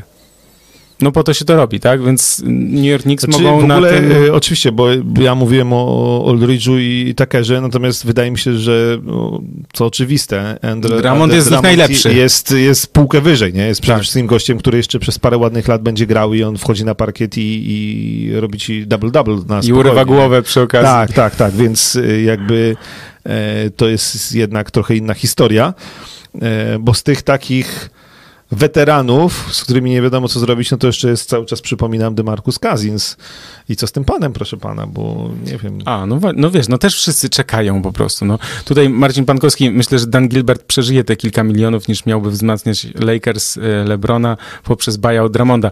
Wiesz co, Marcin, zgadzam się w stu procentach. No, ostatnio nawet na tym czacie, na probaskecie z kolegami z redakcji właśnie ja pisałem, słuchajcie, jak Dramond ma iść do, do Lakers po buyoutie, to stawiam po prostu dychę, że Dan Gilbert nie, na to nie pozwoli, że tam hmm. jest pamiętliwy e, właściciel Cleveland Cavaliers. Może tak być. E, bo mamy tutaj jeszcze temat, czy Warriors będą handlować. A, no właśnie. Ja mam taką... Bo, Czekaj, bo już ja, sobie otwieram. Ja się czym oni mogą handlować. No. Bo Warriors mają jedną fajną rzecz na przykład. Ale tak, już... poczekaj, bo mi się otwiera ja już klikam i już ci mówię o co chodzi, tak? Znaczy ty wiesz o co chodzi. Mają pierwszorundowy pik od Minnesoty, a tak. Minnesota jak wiemy jest na samym dnie, więc to może Ale, być bardzo dobry pik. no z jednej strony tak, mają Jamesa Wisemana, to wiadomo, drugi numer draftu tego, tegoroczny. Y, Kelly Oubre Jr. się kończy jego mm, kontrakt, natomiast mają zastrzeżony wybór draftu yy, Minnesoty, ale Minnesota ma top 3. Czyli chodzi o to, e, słuchaj, zgłębiłem, żeby się nie pomylić, żeby nie wprowadzać błąd. Czyli jest tak, że jeśli Minnesota wylosuje pierwszy, drugi lub trzeci numer, to on zostaje w Minnesocie, a jeśli to jest czwarty lub niżej, lub dalej, to on trafia do Warriors. No to już brzmi trochę gorzej. Tutaj czwarty no, numer to też nie jest taki tak, zły. No. no, znaczy to też jest dobre do handlowania. E, bo jakby główny powód tego, dlaczego Warriors powinni pohandlować jeszcze w tym oknie transferowym jest, yy, nazywa się Steph Curry. Znaczy szkoda chłopa, szkoda tego naprawdę genialnego sezonu e, Stefa Kerego e, po Dwa powrocie. dni temu 31 urodziny miał. Wszystkiego najlepszego. Szkoda, bo on. Wiemy, gra, że nas oglądasz. On, on gra jak za czasów MVP, tylko nie ma obok siebie Kleja Thompsona. No właśnie, i to jest pytanie odnośnie Golden State Warriors. Pytanie jest takie, czy dokonujesz transferów już teraz, czy chcesz, bo nie ma okej, okay, masz na stole, znaczy możesz coś zaoferować, ale czy jesteś w stanie wykonać takie transfery, że Golden State Warriors biją się o, mis o mistrzostwo w tym sezonie? Czy, czy masz takie, że tak to ujmę, wiesz, argumenty, kogo miałbyś pozyskać, kogo miałbyś zaoferować, żeby w tym sezonie Golden State Warriors bili się mistrzostwo? I dlatego, ja wiem, nie masz, i no. dlatego powstaje pytanie, czy nie należy poczekać do wakacji i wtedy, jak jest Clay Thompson, to wtedy wykonujesz konkretne ruchy. Marcin Pankowski dodaje jeszcze, że jak w 2021 jest top 3, to potem w 2022 jest niechroniony. Ten pik w drafcie. No tak. Tak, że, że w kolejnym roku już nie, nie ma znaczenia. Jeśli był pierwsza trójka, to e, tak, tak, tak, tak. Tak, dziękuję. Yy, to jest jeszcze, bo jest jeszcze jedna ważna rzecz, ja muszę tylko jeszcze jeszcze sprawdzić. Marcina Pankowskiego to kiedyś tu powinniśmy zaprosić. Jasne, no to jest... Dużo rzeczy takich do, dorzuca, e, drobiazgów. Aha, poczekaj, bo patrzę, że kontrakt, nie, Steph Curry ma jeszcze kontrakt na 21-22 i to jest na 40, prawie 6 milionów. To dlaczego mi się wydawało, że jemu się kończy po tym sezonie? No, tak jakoś, dobrze to sprawdziłem. No w każdym razie, masz Stefa, który jest w, twoi- w swoim tak zwanym prime, a, 33 urodziny Stefa piszą. Piszą, że 33. no a co powiedziałem, 31? Pierwsze. Ojej, nie, 33. Widzisz, matematyka mnie zawodzi. No widzisz, to ja też... e, w- 33, tak, dobrze, przepraszam. Źle policzyłem, w sensie źle powiedziałem, Tak jest, myślałem o trzy- 33. Dobra, i teraz tak, masz Stefa Karego, który jest w swoim prime, nie możesz inwestować w tę drużynę na zasadzie takiej, że e, no weźmy Wisemana, weźmy tam pik z Minnesota i będziemy budować. Nie masz czasu na budowanie. Mhm. Wiesz, Wi- Wiseman fajny, w ogóle bardzo perspektywiczny zawodnik, ale jego trzeba puszczać w sensie za, dobry, za dobrego gracza około trzydziestki, który jest gotowy do gry na najwyższym poziomie, który jest gotowy do walki o mistrzostwo, bo James Wiseman nie jest gotowy do, do grania o mistrzostwo, on jeszcze potrzebuje czasu, jest naprawdę, może być bardzo dobrym zawodnikiem, natomiast on potrzebuje czasu, więc musisz z Golden State Warriors wyrzucić, w sensie pożegnać wszystkich, którzy nie są gotowi tu i teraz, bo Clay Thompson jak przyjdzie, Właśnie, to jest też pytanie, w jakiej formie on będzie, w, czy w ogóle będzie w stanie grać na, wiesz, na, jeszcze na wysokim poziomie. Po dwóch latach, po takich kontuzjach, on ostatnio też jak wyglądał, w, też mowa ciała, przepraszam, znowu się bawię w psychologa, no ale słuchajcie, po roku z zerwanym więzadłem, teraz z zerwanym achillesem, to jest, jest coś takiego jak psychiczna blokada. Wiesz, psychiczna blokada przed, on, znaczy będzie przepracować, musi bardzo dużo czasu, żeby wrócić do formy strzeleckiej, żeby do, wrócić do formy koszykarskiej i potem, żeby grać bez tak zwanych obciążeń, tak? To znaczy, żeby nie bać się wykonywać pewnych ruchów. Wiesz, to jest trochę tak, że jak, nie wiem, noga poleciała, to już potem 10 razy uważasz, tak? Czy, no i, i tracisz na tym, więc to jest, y, no, przed Golden State Warriors bardzo trudne y, wybory, jeśli chodzi co robić teraz, czy już teraz wzmacniać drużynę. Nie wiemy, jak to będzie.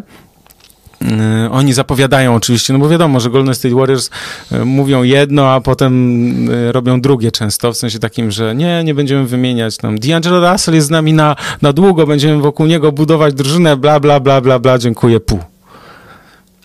Więc Nie wiesz, nie ma, no. Nie ma chłopa. No tak, no więc... Y, nie wiem. No teraz pojawiały się to jedyne, co mogłoby jakoś tam zmienić rzeczywiście, no to Bradley Bill, ale rozumiem, że to już jest nieaktualne, bo wszyscy tam się w Waszyngtonie zapierają, że no way.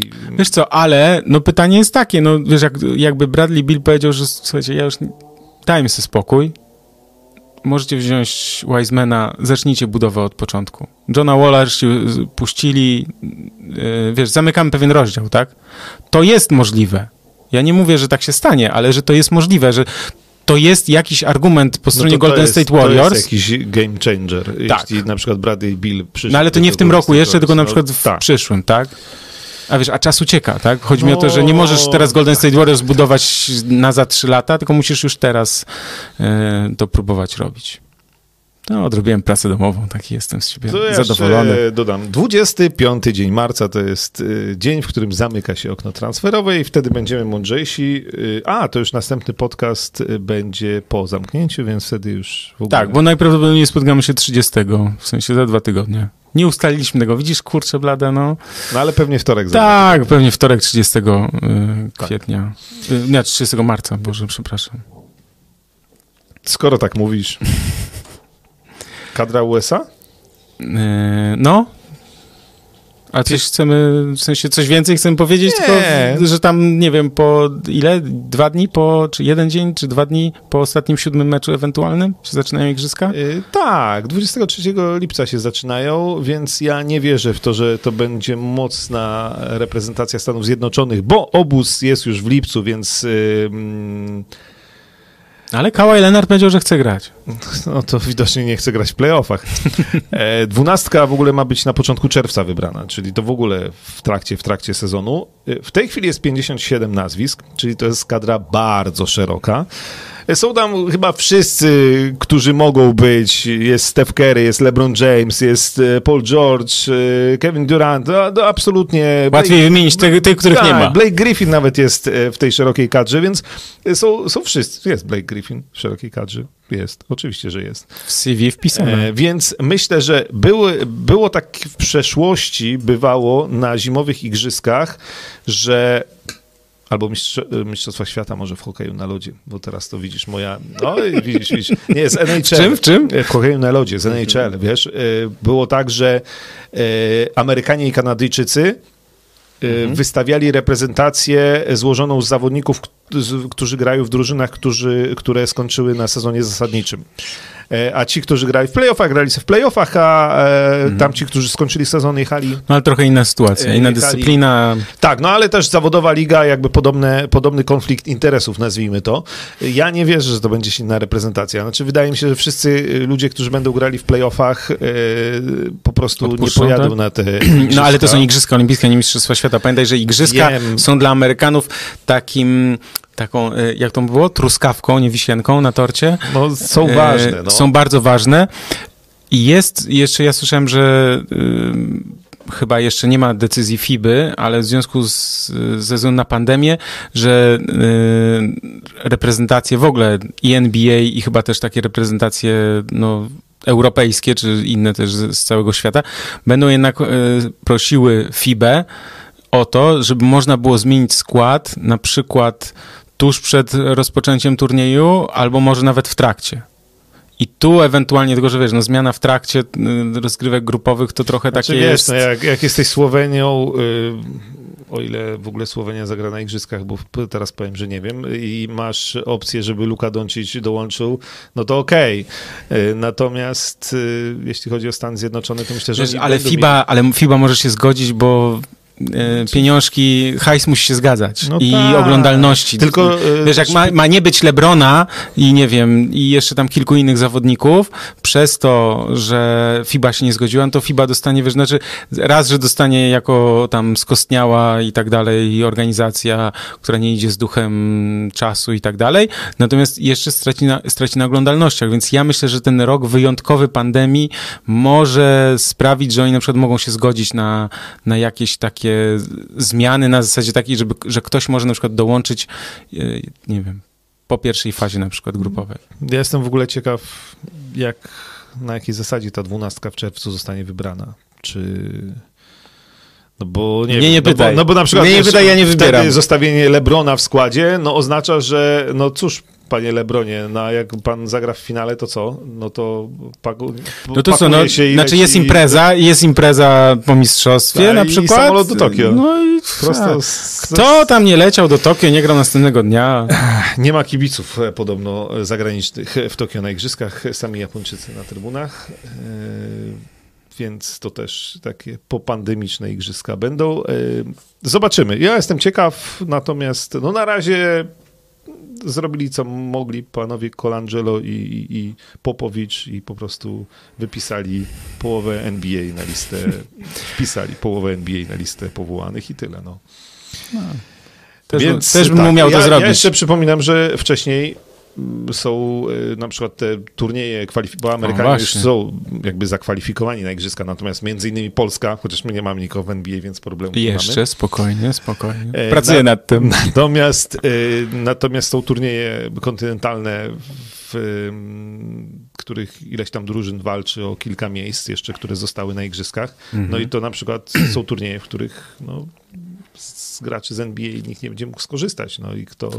Znaczy z tych... Yy... No one są gdzieś tam, w, no, no tak, no z tych, którzy grają w playoffach na pewno nie, bo one są z tego, co pamiętam w czerwcu, my mamy ten na Litwie chyba turniej. No tak, ale już można, po, może to być po, już po pierwszej rundzie, tak? Bo jeśli playoffy są w połowie może. maja... No to też zobaczymy, jak tam z tym jest. Generalnie y, jest dosyć poważna kolizja terminów, mi się wydaje.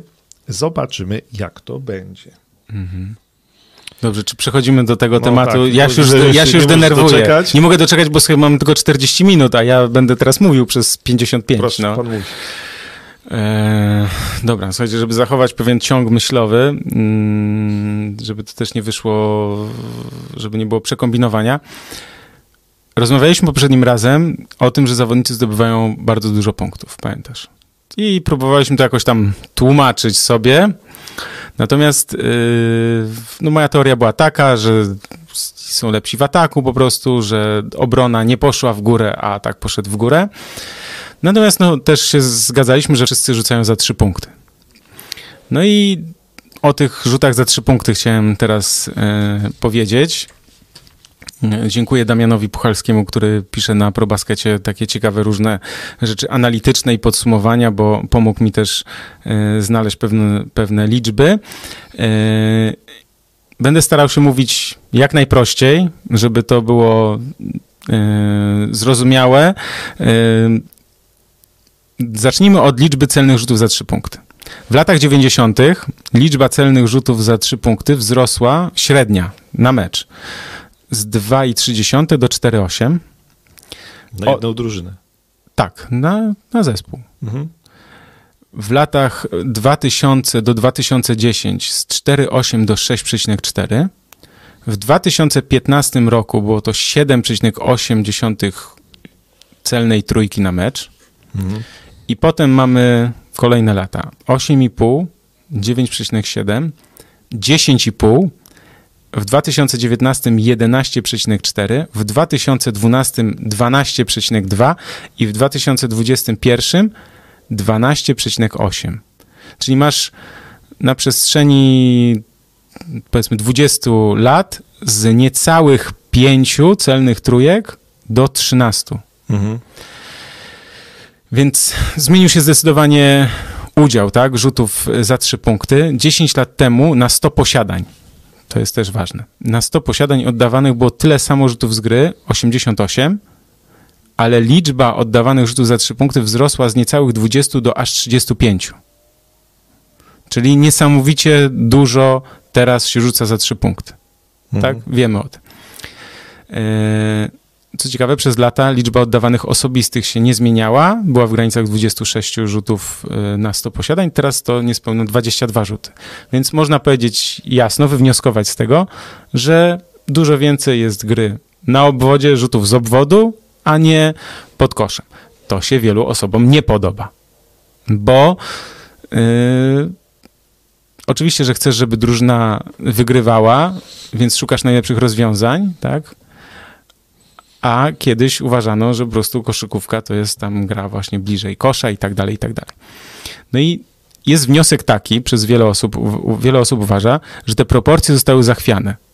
Dlatego, że rzut, który daje ci 50% więcej, nie jest 50% trudniejszy. Wiesz, o co chodzi? O matematykę. Problem jest taki, że wiele osób zaczyna mówić, że tego się nie da oglądać, tak? Mhm. Bo ciągle rzucają za trzy punkty. Słuchaj, kiedyś to było tak, że ten rzut był przygotowany z czystej pozycji, piłka szła po obwodzie, nie było tylu specjalistów od rzutu za trzy punkty. Natomiast teraz jest po prostu strzelanina daj, podaj do mnie, ja sobie strzelę i tak dalej. Kontry są, wiesz, znaczy śmieje, śmieje, śmiejemy się, ja tam na Twitterze chyba dodałem czy coś, kontratak idzie i mówię, o, zobaczcie, kontratak zakończony layupem, tak, a nie rzutem, że wiesz, że w kontrze no, 3 na 1 gość ucieka do rogu. My pamiętamy y, z czasów, jak gdzieś tam trenowaliśmy, że jak kończyłeś kontrę rzutem z dystansu, to ławka od razu. No, oczywiście, że tak. Co, ty idziesz sam na kosz i rzucasz? Tak jest. Chory? E, także, także tak. Tak. Ja, ja, mam też. Dobra, ale poczekaj, daj ja mhm. jeszcze chwilę. E, I teraz tak, nie możesz zmusić drużyny i powiedzieć, żeby rzucała mniej. Mhm. No bo nie możesz. Z... No nie możesz. Tak. Tylko teraz jest tak. Ludzie się zastanawiają w NBA, dziennikarze, kibice, co zrobić, żeby mecze były bardziej zacięte. I teraz pytanie jest takie, czy powinno się zmienić zasady? Linia rzutów za 3 punkty 7,24 na obwodzie, 6,70 w rogu. No i jest propozycja, yy, żeby wydłużyć tą tę linię, tak? W rogu się nie da, bo musiałbyś boisko yy, przebudować, natomiast można tę linię przesunąć. O tym będzie za chwilę. I teraz jest yy, propozycja. I to jest yy, podobno jeden tam z, wiesz, z menedżerów yy, w NBA to powiedział, że można na przykład wprowadzić limit trójek. No to akurat dosyć głupie. Okre tak, no o, jasne, ale ja tu jestem w roli rela relacjonuję Mhm. tego, co się dzieje, nie, po- nie poddaję tutaj swoich pomysłów. I teraz tak, na przykład określasz limit, że drużyna może na przykład trafić tylko, nie wiem, 15 czy 20 trójek, a jak trafi więcej, to liczymy za dwa punkty. Co jest moim zdaniem bez szans. No. Druga Bez ta, sensu. tak, druga opcja to jest, żeby przesunąć linię, że wiesz, no nie zmienisz tego w rogach, ale wydłużysz na obwodzie, rozciągnięta zostanie gra i więcej będzie minięć, wjazdów. Yy, no, tylko, że kwestia jest taka, tu jest też moja obawa, że to wszystko sprawi, że tak ustawisz taktykę, żeby rzucać z czystych pozycji z rogu, bo w rogu będzie nadal 6,70. I to jest teraz ważne.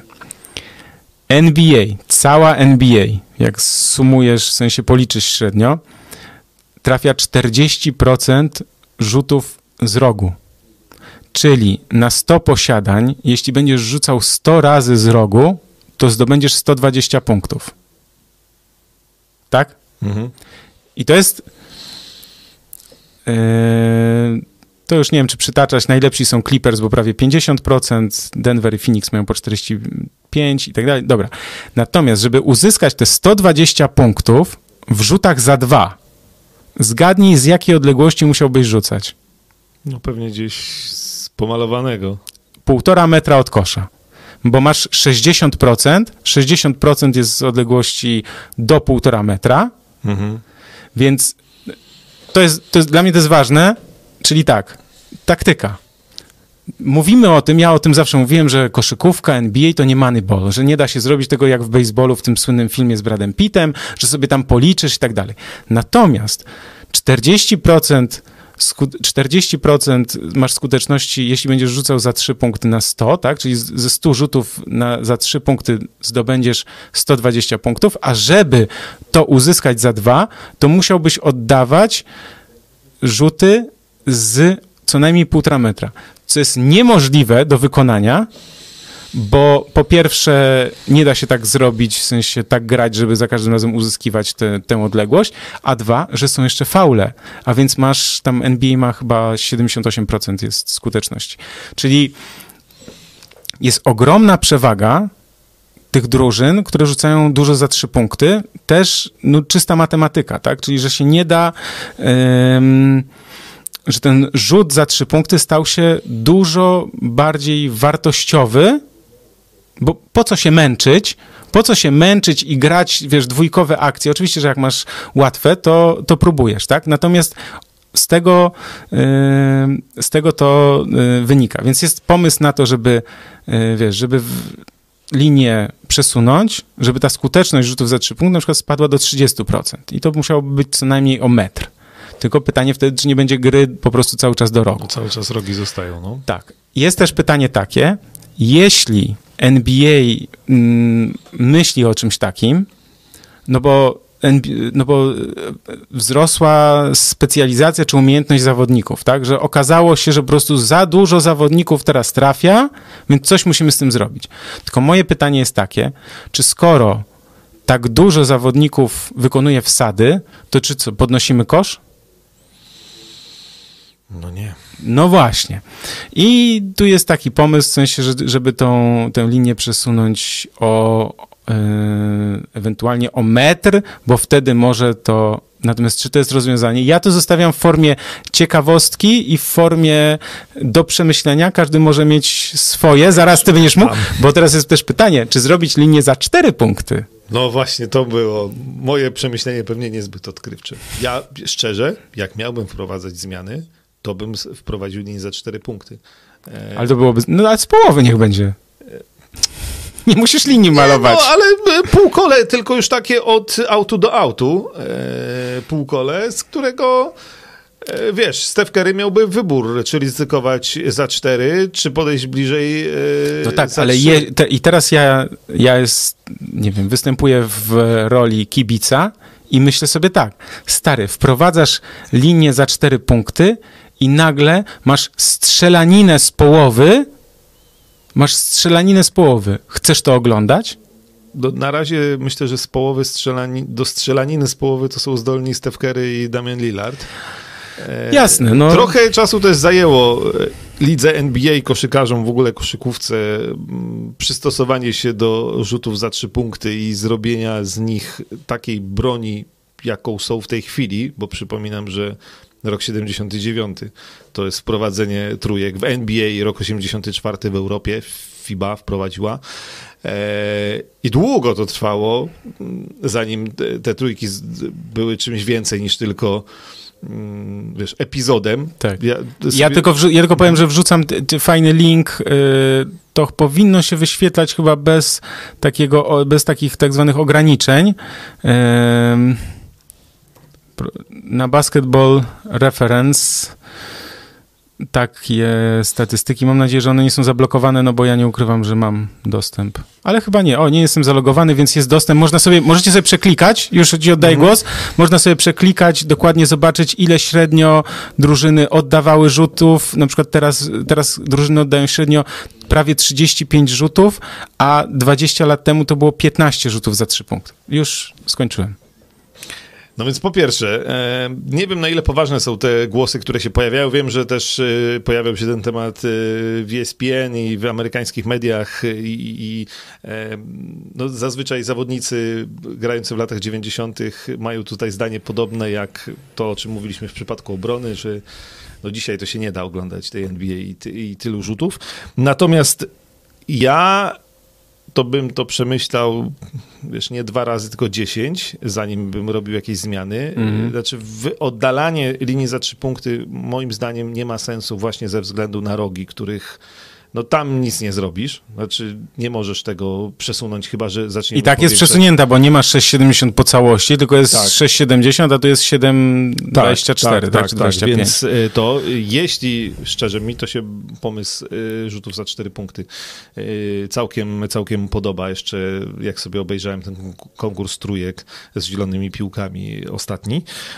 Natomiast to, to jest gdzieś tam przyszłość i dyskusja jeszcze wydaje mi się bardzo, bardzo długa. Natomiast y, tak do tych twoich liczb, ja na przykład sobie nie wypisałem aż tylu statystyk, ale, ale Larry Bird, który był przecież uważany za specjalistę od rzutów za trzy punkty, y, no a grał przede wszystkim lata 80., tak, to te na, największe jego sukcesy, y, oddawał w przebłyskach, w tych najlepszych pod tym względem y, w karierze sezonach, oddawał trzy rzuty na mecz za trzy punkty. To było 10, to było jakieś 10% w ogóle jego rzutów, to były rzuty za trzy punkty. Steph Curry oddaje teraz 11,4 średnio. Tak, to jest też przerażające, jak, jak to rośnie, no bo y, trzymając się Stefa Kerego, to ile mówisz? Oddaje? 11? 11,4, Tak, ja mam... y, to wiesz co, on w 2000, Dziesiątym oddawał 4,8. no i, i teraz to by był gdzieś pewnie koło 20 któregoś miejsca, jeśli chodzi o rzucających za trzy, jakby oddaj, z największą liczbą oddawanych rzutów. Jakby w, te, w tym momencie e, podejrzewam, że koło 30 zawodników w NBA oddaje w okolicach 8 rzutów. E, Więc, e, a, a później kolejnych kilkudziesięciu po, po 7 rzutów. Więc to są niesamowite liczby. Utah Jazz 43 prawie rzuty na mecz. E, No, no, no tak, no zgadzamy się. E, tylko ze zmianami to ja bym był jednak, jednak bardzo, bardzo spokojny i, i naprawdę to przemyślał. Wydaje mi się mało realne przesunięcie, jeszcze przesunięcie linii za trzy. Pamiętajmy też, że w fibowskiej koszykówce cały czas ta linia za trzy punkty jest bliżej e, niż 7,24, jest na 6,75. E, pamiętajmy, że w NBA w latach 90. był przez chwilę w drugą stronę. Było. E, tak, właśnie, bo mówiłeś o tym w sensie przed podcastem. Przypomnij, jak to, jak to było? W... Od sezonu 9-4-9-5 do 9-7-9-8 przez trzy sezony było bliżej, jeśli chodzi o rzuty za trzy punkty. Tam niewiele się wtedy, średnio jeden rzut bodajże oddawany więcej. Niewiele tak naprawdę wtedy to zmieniło. Dzisiaj to by pewnie zmieniło bardzo dużo, bo jeszcze by było więcej rzutów. 9-4 do. O, w 95 był skok z 10 na 15. A, no to widzisz, no to jest, to był efekt y, tego przybliżenia linii. Mhm. Y, z takich rzeczy... Czyli trochę NBA jakby sama sobie, sama sobie to podłożyła. Wiesz, no, chciała troszkę efektywności, e, efektywność y, podnieść, tak? W, żeby było no, bardziej efektownie, tak myślę, bo, bo rzeczywiście do 94 średnia oddawanych rzutów za 3 punkty to było 10, a potem już następny sezon jest 15, 16, 17. I potem, słuchaj, widać, że linia została wydłużona, bo jest spadek z 16,8 na 12,7. No więc y, trochę to e, jednak wpływ miało. Tutaj mamy y, propozycję, że linię za 3 można od autu do autu pociągnąć i w ogóle zrezygnować z rogów, no ale to też myślę, że to jest mało... Hmm. E tak się robi na małych salach, na stawkach. Na, tak, na tak, tak, tak, tak, tak. Mhm. Y, więc nie wiem, jeszcze jest oczywiście ten y, aspekt y, rzutów wolnych, nie? Bo też jakby przy rzucie za trzy punkty to jest, to jest właśnie to. Jesteś na przykład centrem, nowoczesnym centrem, który rzuca z pół dystansu, no i tak naprawdę opłacać się nauczyć zrobić krok do tyłu i rzucać za trzy, bo możesz trafić trójkę. Jak zostaniesz sfaulowany, no bo wiadomo, że Stefa Karego z połowy jak rzuca, to nikt tam raczej nie będzie jeszcze tak mocno krył, powiedzmy. Natomiast e, są trzy rzuty wolne, a tak. nie dwa za rzut za trzy punkty, więc to też jest e, korzyść. E, więc jakby w żaden sposób drużyn, ani koszykarzy, ani trenerów nie odwiedziemy od tego, żeby rzucali za trzy. No oni będą rzucać za trzy i pewnie będzie tego coraz więcej. Nie wiem, gdzie jest granica. Eee... Ja słyszałem też taką teorię, że, że troszkę więcej, że więcej jest w tym sezonie, ze względu na to, że ten sezon jest bardziej skondensowany, że oni mają więcej meczów, więcej podróży, w sensie w takim w że mają mniej przerw, więc troszkę dbają też o swój organizm i tak dalej. Natomiast to mi się wydaje teoria naciągana. Moim zdaniem jakby odpowiedzią jest dokładnie niestety matematyka, tak? Znaczy brutalna rzeczywistość. 40% rzutów z rogu daje ci 120 punktów, znaczy 40% na 100 posiadań na 100 rzutów daje ci 120 punktów, a jeśli chcesz mieć te 120 punktów w rzutach za dwa, to musisz rzucać z odległości 1,5 metra, co jest niewykonalne. Tak, trzy zawsze będzie większy niż dwa. Bartosz Olszewski pisze, no to racja. E, I trzymając się matematyki, jedno na pocieszenie. Znaczy, na szczęście, chyba w tym kontekście, e, nie poprawia się, znaczy nie jesteśmy w stanie przeskoczyć pewnej yy, granicy jakiejś, granicy, tak? jeśli chodzi o skuteczność rzutów za trzy. Znaczy ci najlepsi mhm. rzucają wciąż 40 5, kilka 7, procent tak. Mhm. max rzutów za trzy punkty i raczej... Mm, Czyli chcesz powiedzieć tak, że tak jak kiedyś 20 lat temu, czy 25 lat temu najlepsi rzucali tam po 45 na przykład za 3, tak jest nadal teraz, że nie ma na przykład zawodnika, który, ma, który dużo rzuca za 3 punkty, a ma na przykład skuteczność 60%, mhm. ale jest dużo więcej zawodników, którzy, którzy z tych 25-30 skoczyli na 37-38, hmm. tak? To tak, to, to, to, to, prawda. No więc pod tym względem, no to też y, akurat był wniosek trochę z meczu gwiazd, taki na szybko, jak patrzyłem na te rzuty y, oddawane raz przez Kerego, raz przez Lillarda, że no dożyliśmy takich czasów, że wiesz, takich gości nie było, nie? Znaczy, nie było takich ludzi, którzy, którzy tak sobie trafiają po prostu w meczu, dobra, meczu gwiazd, ale jednak z połowy. No Lillard y, czy Steph Curry potrafią to zrobić także w normalnym meczu, e, rzucając z bardzo dużych odległości, więc pod tym względem poziom urósł, Mhm. E, Mamy więcej, zdecydowanie więcej specjalistów, mamy wiesz, no, wielu centrów, większość centrów w tej chwili rzucających, no już nie mówię o czwórkach, bo jak ktoś gra na czwórce, to musi właściwie rzucać za trzy punkty. No i to jest rzucanie na poziomie 30 paru procent, nie? czyli kiedyś na tym poziomie e, rzucała garstka ludzi w NBA. Więc e, Tak, ja tylko do- dodam w sensie, że te- statystyki, te, to, ten link, który wysłałem też, że tam jest na 100 posiadań, tak? Więc jakby, ale wniosek jakby można określić dosyć ten sam. Co się Może stało? zlikwidować trójki, skoro e, tyle z tym problemów. Krzysztof Sienkiewicz proponuje. No, kiedyś tak było i... E, nie, chyba nie było lepiej. E, więc- Nie, trójki są wspaniałe, są super, są bardzo Tylko widowiskowe. jest ich za dużo. Tylko problem jest taki, że rzeczywiście, a w ogóle wiesz, wiesz co jest jeszcze, bo to, to jest jakby wniosek z grania takiego, jak się grało kiedyś, Mhm. e, jak się grało kiedyś na przykład za jeden i za dwa. No to już w ogóle jak trójka była, wiesz, liczona za dwa, to musiałeś, e, mówię o, o, nie o grze w NBA, tylko o tym, jak grałeś z kumplami na przykład, tak? asfalcie, Grałeś no. na asfalcie, za jeden, za dwa, tak? No i teraz jest tak, trafiasz dwa razy z dystansu i masz cztery punkty, więc goście muszą rzucić cztery razy spod kosza, żeby do ciebie, wiesz, więc masz ogromną przewagę wtedy, wtedy już w ogóle, tak? Ja Mhm. wiem, bo to wykorzystywałem. Gratulujemy. Jeszcze patrzę na te liczby, ale myślę, że one potwierdzają to, co, to, co ty mówiłeś. E, więc co?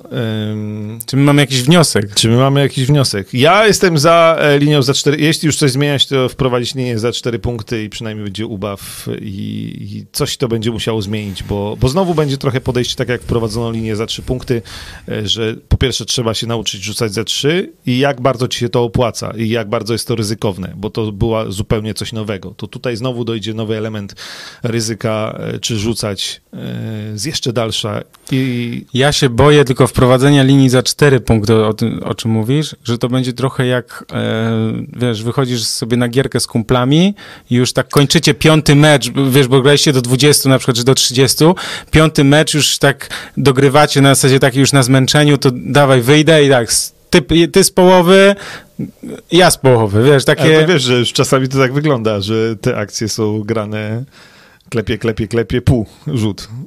No tak, ale chociaż, ale chociaż nie są z połowy, bo wiesz, bo z połowy to za trzy to jeszcze, jeszcze pr- prawie zawsze w obręcz trafią, no, a nie, a nie, wiesz, a nie w, będą walić babole, no.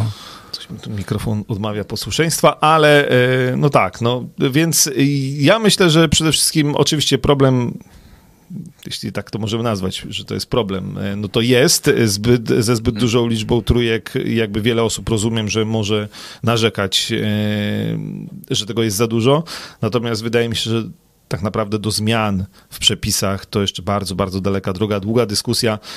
Mam wrażenie, że trochę jak z dyskusją o zmianie loga NBA, o której rozmawialiśmy dwa tygodnie temu, że e, Że NBA się na to zanim, nie zdecyduje. zanim coś z tego wyniknie, to, to jednak musi minąć mnóstwo czasu. Takie zmiany, oczywiście zmiany w przepisach się zdarzały różne, chociażby jak mówiliśmy o, o obronie, Mhm. E, natomiast takie zmiany, jak zmiana właśnie linii No wiesz, no w, w latach nowej- 90 to zrobili, potem się z tego wycofali. Tak, no to jednak są decyzje, które myślę trochę trwają. Wydaje mi się, że te pomysły, z, no to jeszcze raz powtórzę, z, z oddaleniem linii za trzy punkty, ale zostawieniem rogów jest nierealne. No tak, bo, bo taktyka będzie taka, że to jest Tak. po prostu będziemy tak ustawiać grę. Likwidacja rogów to też jest bez sensu, więc, y, więc na razie myślę, że z powodu braku lepszych opcji zostanie tak jak jest. Ale jest to ciekawy temat do przestudiowania, do przemyślenia, do pogadania, do właśnie, do takich dyskusji. Myślę, że to można sobie no, pomyśleć, jakby, jak byście uważali, że jest najlepiej, tak? Ja nie mam też, ja Czyli nie mam... za cztery punkty też byś miał rozciągniętą grę. Znaczy musiałbyś już wyżej kryć y, niektórych zawodników, e, którzy by tym rzutem grozili. Słuchaj, ja kiedyś oglądałem, poczekaj, przypomniało mi się, MTV, była taka stacja, kanał w telewizji był, jak się kiedyś jeszcze telewizję oglądało, to była Mhm. taka telewizja satelitarna MTV i tam były takie mecze w wakacje, pokazy, takie pokazowe, tam Reggie Miller grał i tam nagle yy, to, to grały gwiazdy, znaczy gwiazdy NBA, jacyś muzycy i tak dalej. I tam, nie pamiętam, czy w czwartej kwarcie, czy w, nieważne, nagle wyjeżdżał taki kosz, który był powiedzmy nam na wysokości, nie wiem, 5-7 metrów, czy coś takiego, nie? Słuchaj, no zawsze można drugi kosz dołożyć. Tam był rzut chyba za 25 punktów, więc wiesz, to nie ten. Zawsze można drugi kosz na przykład na wysokości, nie wiem, 8 metrów e, postawić i jak tam trafisz, to jest na przykład za 10. No. Żartuję, to jest oczywiście, wiesz, no, kombinowanie, tak? Znaczy to, to, można sobie zrobić e, dla jaj, natomiast e, no, NBA jest poważną ligą. i sobie na takie rzeczy nie pozwoli oczywiście, ale tak mi się przypomniało w formie żartu. Tak, no bo jeszcze tu jest propozycja o, na zmianę punktacji, tak, że rzut za 3 liczyć za 4, rzut za 2 za 3. Eee, A jak z wolnymi wtedy? Znowu matematyka. No nie wiem, coś się wymyśli. Za półtora? Coś się wymyśli. Czy wtedy dawać trzy? Z- trzy? No ale to wiesz, to jakby myślę, że pomysłów będzie dużo.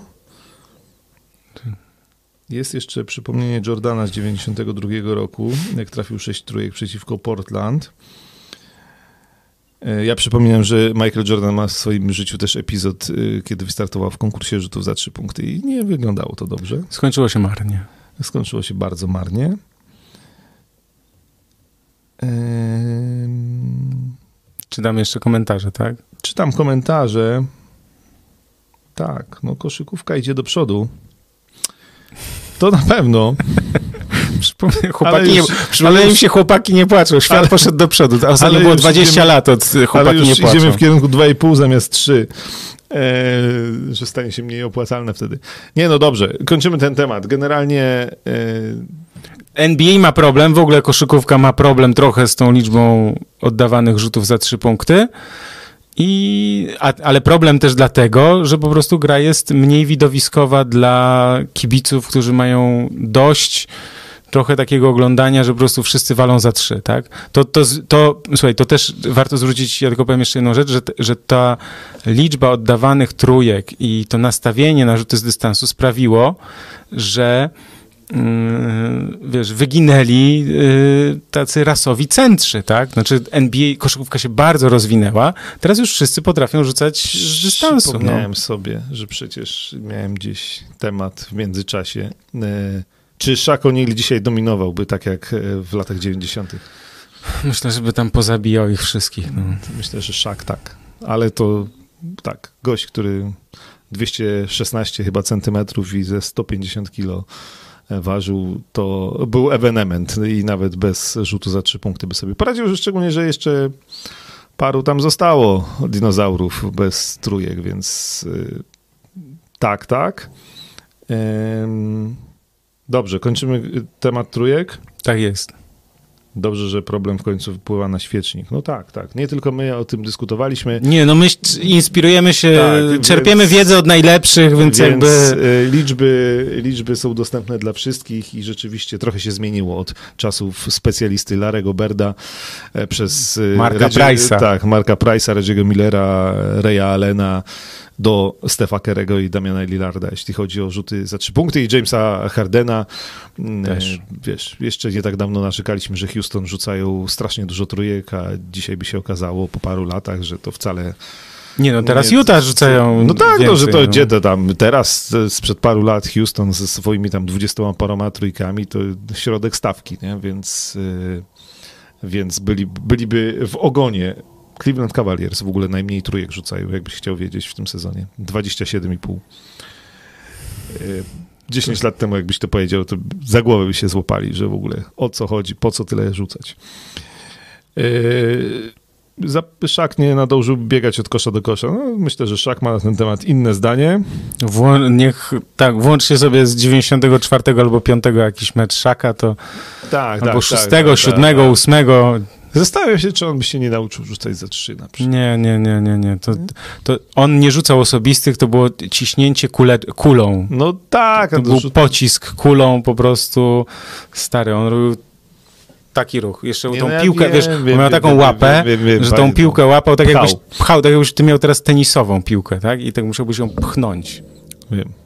Ale z takiego haczyka z odejścia Już Dwight- dystans, no dobra, za daleko. Dobrze, nie. Szak, szak bez trójek, ale szak bez trójek też by sobie poradził. E, także dzisiaj. E, czy my mamy, a mamy na koniec Jeszcze kosmiczny mecz. kosmiczny mecz to Dwa. też. A co jeszcze mamy? Nie no, March Madness A. jeszcze chciałem zareklamować, Mhm. bo pamiętajcie, że w March Madness, czyli marcowe szaleństwo, jest takie coś w Ameryce, koszykówka NCAA, a więc ci zawodnicy, którzy za chwilę y, niektórzy dołączą do elity, do, do NBA, no i można oglądać przez ESPN Player, bo y, jest taka możliwość, można sobie wykupić dostęp do tych meczów. Jest 7 dni, mm, ja wrzucam link, jest 7 dni e, bezpłatnych, a więc można sobie sprawdzić, jak to, jak to wygląda, jak to działa. E, ESPN Player jest e, i na telefonach, i na tabletach, i na Android TV, a więc można sobie normalnie w w telewizorze puścić. 1500 spotkań jest w NCAA w przeciągu całego sezonu. No, No ale tak, dałbyś radę? Myślę, że mogę nie dać, natomiast no to, co najciekawsze w marcu i dlatego szczególnie w marcu warto sobie to marcowe szaleństwo odpalić i zobaczyć. Tak jest. Ja wrzucam link do artykułu na ProBaskecie, który jakby wyjaśnia wszystko, pokazuje, kiedy daty są konkretne, kiedy jest tam e, mecze są rozgrywane. E, wiadomo, że no, duża część jest w nocy, ale ze względu na mm, liczbę tych spotkań, zwłaszcza na początku, to też są e, w takich godzinach dla nas e, przystępnych. Także jakby ktoś chciał, to e, serdecznie zapraszam, polecam, bo a tu jest bezpośredni link. Tu jest jeszcze bezpośredni link. Także no polecam. No NCAA ja nie śledzę na bieżąco, więc trudno mi się wypowiadać. Nie będę teraz udawał, że tam coś sobie sprawdziłem i, em, i wiem, kto jest najlepszy i tak dalej. Natomiast no fajnie jest czasem zerknąć. Myślałem, że wypełniłeś y, drabinkę. Nie, nie wypełniłem drobniki, a można wygrać milion dolarów? Bo tak było tam kiedyś, A, że ktoś było. trafi w końcu Ciekawe, do... czy znowu ten, y, po rządach Donalda Trumpa, znowu nowy prezydent y, John Biden będzie wypełniał. A, widzisz. Wiesz, Barack Obama zawsze wypełniał tabelkę. No, Na koszykarzy można liczyć, no, koszykarzy, wiesz. Także ten, ale naprawdę, NCAA, jeśli ktoś chciałby zerknąć też na trochę inną koszykówkę, więcej młodzieńczej O, ja fantazji. Coś powiem. Marcin Pankowski oczywiście, niezastąpiony. Patrick Ewing jako pierwszy wygrał z Georgetown e, Conference Tour- Tournament Championship jako zawodnik i trener. Jest dobra Ty opowieść. chciałeś, ty chciałeś powiedzieć to teraz. E, nie, jest dobra, no bo jest dobra historia z tym Patrickiem Ewingiem jako A. trenerem Georgetown, że grał w Madison Square Garden ostatnio. E, no i trochę żartem, ale jednak nie do końca. Mm, e, no, powiedział na konferencji, że to jest skandal, że za każdym razem, kiedy tam przechodzi gdziekolwiek po Madison Square Garden chodzi, to e, ochroniarze proszą go o podanie nazwiska, pokazanie plakietki. No przecież coś tam on w tym Madison Square Garden zrobił i jak to jest, że oni go nie znają, bo jego to akurat powinni znać, no akurat z tym się zgadzam, no ale Tak, to znaczy, wiesz, ja zawsze jestem, ja jestem wyczulony na to, na takie oczekiwania, bo nie podobają mi się prezesi, którzy, wiesz, wchodzą jak do siebie i mówią, wiesz, won, ja tu jestem prezesem, tak? Ja tu jestem najważniejszy. Oczywiście, tylko ja mówię o przykładzie polskim, e, a jednak masz rację, że w NBA to troszkę co innego, że no Poza też inna, po, jednak Patrick Ewing w Nowym oczywiście, Jorku. e, Oczywiście, znaczy po pierwsze wzrostem go, wiesz, bo ja rozumiem pomylić, pomyśleć, że BJ Armstrong, bo była kiedyś taka sytuacja, że w Chicago nie wpuścili Sz- BJ Armstronga, bo myśleli, że to jest jakiś dzieciak, czy w ogóle ch- chłopaczek. Z y, Caruso też było tak, ktoś to, osta- gdzieś ostatnio doczytałem, że jak on przyszedł, ale to chyba jeszcze było w G League, że jak on tam przyszedł, to myśleli, że to kurier przyszedł z paczką. To tak. Tylko, że jakby trochę inny kaliber nazwiska. Inny kaliber, inny kaliber, zwłaszcza, że Patryka Ewinga nie poznać, nie rozpoznać. No to, tak. Wiesz, chłop ma 2,15 jest bardzo, nazwijmy to, specyficzny, Mm. tak? W sensie wyglądu, więc no... E, więc e, panowie ochroniarze z Madison Square Garden trochę mm, muszą nadrobić historii New York Knicks. e, Wstyd. Bo tak, e, jednak wstyd. Mm, I dobrze, to o NCAA powiedzieliśmy, to powiedzmy jest. jeszcze o kosmicznym meczu 2. To ty musisz mówić. Tam Mała drama była, ale też trochę już trochę minęło od tego czasu, jednak trochę za rzadko chyba robiłem te podcasty. Była mała drama w necie o to, że ten y, króliczka No, Lola, tak ona się chyba nazywała, nie pamiętam. w wersji tej nowej z LeBronem Jamesem, Mhm. to animowana postać, dodajmy, jest mniej chyba nazwijmy to seksowna niż była w latach 90., no i niektórzy podnieśli larum, że to jest, wiesz, polityczna poprawność i w jakich my czasach żyjemy i w ogóle e, i tak dalej i co oni zrobili e, z tą biedną króliczką i dlaczego ona tak wygląda, więc to są jakieś e, historie, których ja w ogóle nie chcę mi się komentować, bo mnie to trochę bawi. Ja powiem, ja powiem tyle. Ja, bo też oczywiście różne są oczekiwania. Ja czekam na kosmiczny mecz 2 z LeBronem Jamesem i z Królikiem Bucksem. E, I mam zamiar się na tym filmie dobrze bawić. Mam zamiar na ten film pójść z dziećmi moimi, które widziały też Space Jam. Ja jako dzieciak, no tam już taki trochę starszy, 15-letni, byłem w kinie. Mhm. E, I, I tyle. I to ma być dobry fan i koniec i, e, i, i żadne dopisywanie ideologii i tak dalej do tego. e, To Ja widziałem tam też podoba. dyskusję na Twitterze i, i ja tylko powiem, że to nie chodzi o poprawność polityczną, tylko o jakiś taki rodzaj, nie wiem, normalności i przyzwoitości. To trochę jest tak, że nie chcemy kreować, bo to oglądają małe dzieci, tak? Ja mam siedmioletnią córkę i też zacząłem się zastanawiać, czy może z nią obejrzeć Space Jam, ten jedynkę, ale też nie chcę, żeby mm, takie wzorce ona widziała, patrzyła, tak w sensie, wiesz, to trochę tak jak z la- lalkami Barbie, że teraz lalki Barbie już nie są chude jak patyki, jak tak zwane modelki gdzieś tam z lat 90. y, wzo- Wzorzec taki, że wiesz, im była chudsza, tym, tym lepiej, tak? Że teraz lalki są tak zwanych normalnych kształtów, tak? I to jest trochę taki, znaczy nie kreujmy czegoś na siłę, tylko po prostu pokazujmy normalność, przyzwoitość, coś, co chcesz, nie wiem, z dziećmi. Wiesz, czas się, świat się zmienia, czas, czasy się zmieniają. Kiedyś jak poszedłeś do lekarza, słuchaj, koleżanka mi ostatnio pyta, jak poszedłeś do lekarza w latach 80., to lekarz jarał szlugi po prostu przy, wiesz, przy dziecku i, i osłuchiwał. Kiedyś się w biurze paliło papierosy, tak? Teraz się nie pali w ogóle, w sensie wewnątrz, nawet w knajpach. tak. Chodzi o to, że świat się zmienia i idzie w takim kierunku też w wielu obszarach oczywiście złych, natomiast w wielu też obszarach idzie w dobrych kierunkach. No to ty, Ja bym na to tak po- jako- ja na to tak tak, spojrzał szerzej. Znaczy, właści- no tak, no mnie bawi to w ogóle zajmowanie się tym, bo szczerze powiedziawszy, na przykład jakbyś mnie zapytał, jak wygląda króliczka No nie, no ja... e, No, z, z, z pierwszego Space Jamu, to otworzył oczy, no, no nie wiem, no jak wygląda, no wygląda, nie, nie Normalnie, pamiętam, nie, no. no jakby, wiesz, e, zajmowanie się dzisiaj tym przez e, dorosłych wydawać by się mogło w miarę poważnych ludzi, e, to, to jest w ogóle dla mnie trochę, trochę bez sensu, więc y, myślę, że zostawmy to tak. Ja, ja, czek, ja czekam, ja, jestem ciekaw, co oni tam wymyślą i co... y, Jestem pewien y, co do jednej rzeczy, LeBron James zagra lepiej niż Michael Jordan. Znaczy, LeBron James ma już za sobą... ja chyba muszę sobie przypomnieć, ja widziałem ten film 25 lat temu, w sensie muszę go sobie chyba przypomnieć. Znaczy może najpierw obejrzę jedynkę z córką, Tak, a potem... znaczy, tak, no moje dzieci oglądały ze mną też parę razy, to, to jest bardzo dobry film. Ale Aczkolwiek, nie ma tam jakiś... No trochę jest straszny. Gdzie jest straszny? No potwory jakieś zabierają. Potwory kolorowe, nie no, Okej. przy, nie. Nie, nie pamiętam, dlatego się zastanawiam, wiesz, no, Nie, no lub. wrażliwa Królik siedmiolatka, Max. trenerzy, trenerzy tego magicznego staczku, no ja wiem. E, nie, nie, jest, e, kosmiczny mecz jest spoko e, i mam nadzieję, że kosmiczny mecz 2 również będzie spoko. LeBron James zagra lepiej niż Michael Jordan, bo LeBron James jak na koszykarza, to aktorem jest niezłym. On już ma tam trochę doświadczenia. Nie i, no, LeBron to jest, jest wiesz, wiadomo, no, to już jest gwiazda. Bajadera tam jest, Więc- makaron na uszy potrafi nawinąć. Dobrze, ja mam jeszcze pytania, y, kilka mam takich pytań od naszych widzów zapisanych, bo też zachęcam was, że jeśli tutaj na czacie próbowaliście coś napisać, nam to umknęło, y, to możecie zostawić pod filmem, jak się zakończy. A dlaczego centrzy są pomijani jako trenerzy?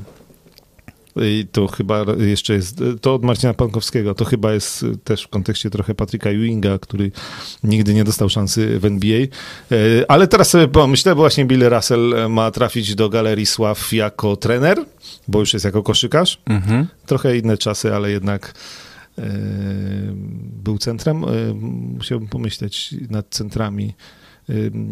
No ale podkoszowi czekaj, gracze, Jean słuchaj, Tabak, e, to nie, Juan nie Howard. Juan Howard też y, podkoszowy. Mm, Myślę, żeby się tam paru znalazło. Ogólnie zawodnicy też nie idą w trenerkę tak od razu, tak? W sensie nie wszyscy chcą iść. Tim Duncan oczywiście ostatnio przecież i zrezygnował. No zobaczył, Tak, że, jest, no. zobaczył, że to ciężka robota. Słuchaj, że to jest nie tylko pykanie w koszykówkę, jest setki godzin oglądania, wycinania, analizowania. Wiesz, tam przecież teraz, teraz widać, słuchaj, to jest najlepsze. Teraz widać i w tej bańce było widać i teraz, ilu tam ludzi pracuje w tym Mm. Za ławką, jaki tam sztab siedzi. Wiesz, po 10 osób siedzi i jeszcze każdy coś notuje. Myślisz, że notuje bez sensu? Ja myślę, że jednak ktoś to, wiesz, wyciąga wnioski, czy, to, czy ta analizuje i tak dalej, nie? O, Phil Jackson, proszę bardzo. Też przecież Proszę bardzo. podkoszowy, tak? E, Że Levert wraca. No wraca. O, to też. A to No. a troszeczkę nam umknęło tutaj. A rzeczywiście wraca i to jest e, piękna historia, bo mm, to był guz chyba, nowotwór, tak? Nawet ten, który mu wycinali. E, I e, wokół Leverta to przypomnieliśmy o nim nie dzisiaj, ale, ale mówiliśmy Wcześniej, tak. e, wcześniej, Że być może mu to uratowało tak, życie. że być może ten transfer uratował mu życie i Indiana chce budować wokół niego i mm, myślę, że to jest Dobra, historia, czekaj, bo mamy te pytania, No. a wiesz, tutaj No. za każdą minutę potem jest złoty 20. No. Żartuję. Nie, nie jest. Chłopaki nam wybaczą, bo przeciągniemy kilka minut, ale jak już zobowiązałem do odpowiedzi na pytania, to musimy je szybko przeczytać i odpowiedzieć. Czy bańka jest przyszłością sportu zawodowego? Nie. Mam nadzieję, że jest tylko wyjątkiem i skończy się ten nieszczęsny czas mm, koronawirusa i sport i kibice. To jest absolutnie nieodłączne dwie rzeczy i kibice muszą być, bo sport bez kibiców jest bez sensu i tyle. A wiesz, co mi przyszło do głowy, jak to przeczytałem? Że bańka jest końcem sportu zawodowego. Tak. Że jeśli pandemia się utrzyma i jeśli To będzie... długo tak nie wytrzymamy. to po pierwsze, znaczy nie wytrzymamy, ale bo jeszcze NBA to ma, wiecie, miliony spraw telewizyjnych i tak dalej. Natomiast, nie wiem, w Europie, w Polsce za chwilę sport zawodowy będzie padać, bo nie ma kibiców, sponsorów nie będzie, będzie coraz mniej sponsorów, coraz mniej pieniędzy, miasta będą mniej dawać, kasy na, nie wiem, A w kluby. telewizji nie upchniesz wszystkiego, bo Nie ile piłka nożna może tak. być w miarę e, jakby bezpieczna i to mówimy o tych najwyższych ligach i najmocniejszych, bo już nie mówimy o niższych, no to inne sporty siłą rzeczy Nie wyżyjesz z League Passa w Tak. Polsce tak zwanego, gdybyś chciał zrobić i, i z tego tak, tak. funkcjonować. Dobra. Eee, Kolejne pytanie. W drugiej części sezonu gra w defensywie stoi na wyższym poziomie. Czym to jest spowodowane? Lepsze zgranie, większe zaangażowanie, bo walka o playoff wchodzi w decydują fazę, w decydującą fazę, czy coś, czy coś innego? Wszystkiego po trochu. Też mi się tak wydaje. No, Znaczy jest spięcie napięcie. Ja za dwa tygodnie przygotuję też takie wyliczenie, od razu rzucam taki fajny temat jest. Yy, ściągnąłem sobie tam ileś tam sezonów wstecz. Porównanie przed meczem gwiazd, tabela przed meczem gwiazd i tabela po meczu gwiazd.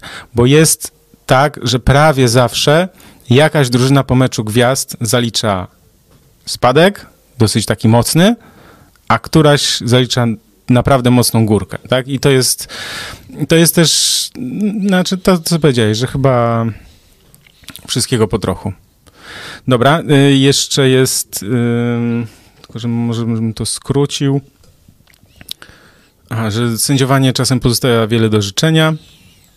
Yy, pokazywanie palcem, żeby sprawdzili na powtórkach, staje się mocno irytujące. Wielokrotnie na powtórkach widać, że sędzia miał rację, a zawodnik mimo to nadal bez sensu dyskutuje. Jednym takim zawodnikiem, który nie dyskutuje z sędziami, bo wie, że to nic nie da, yy, jest Jalen Brown. Czy moglibyście to odczytać i odnieść się do sytuacji? Znaczy, myślę, że jest więcej, więcej zawodników, którzy tego nie robią, e, w sensie nie dyskutują. No, ostatnio nerwy mieliśmy w derbach Nowego Jorku mm. na koniec, ale wydaje mi się, że sędziowie tam mieli rację akurat i gwiznęli dobrze, natomiast Julius Randle się zdenerwował e, bardzo. Mm. no, ostatecznie Brooklyn Nets wygrali, y, ale myślę, że no, nie wiem, jak się do tego odnieść. W znaczeniu e, odwieczne problemy w każdym, w każdym sporcie.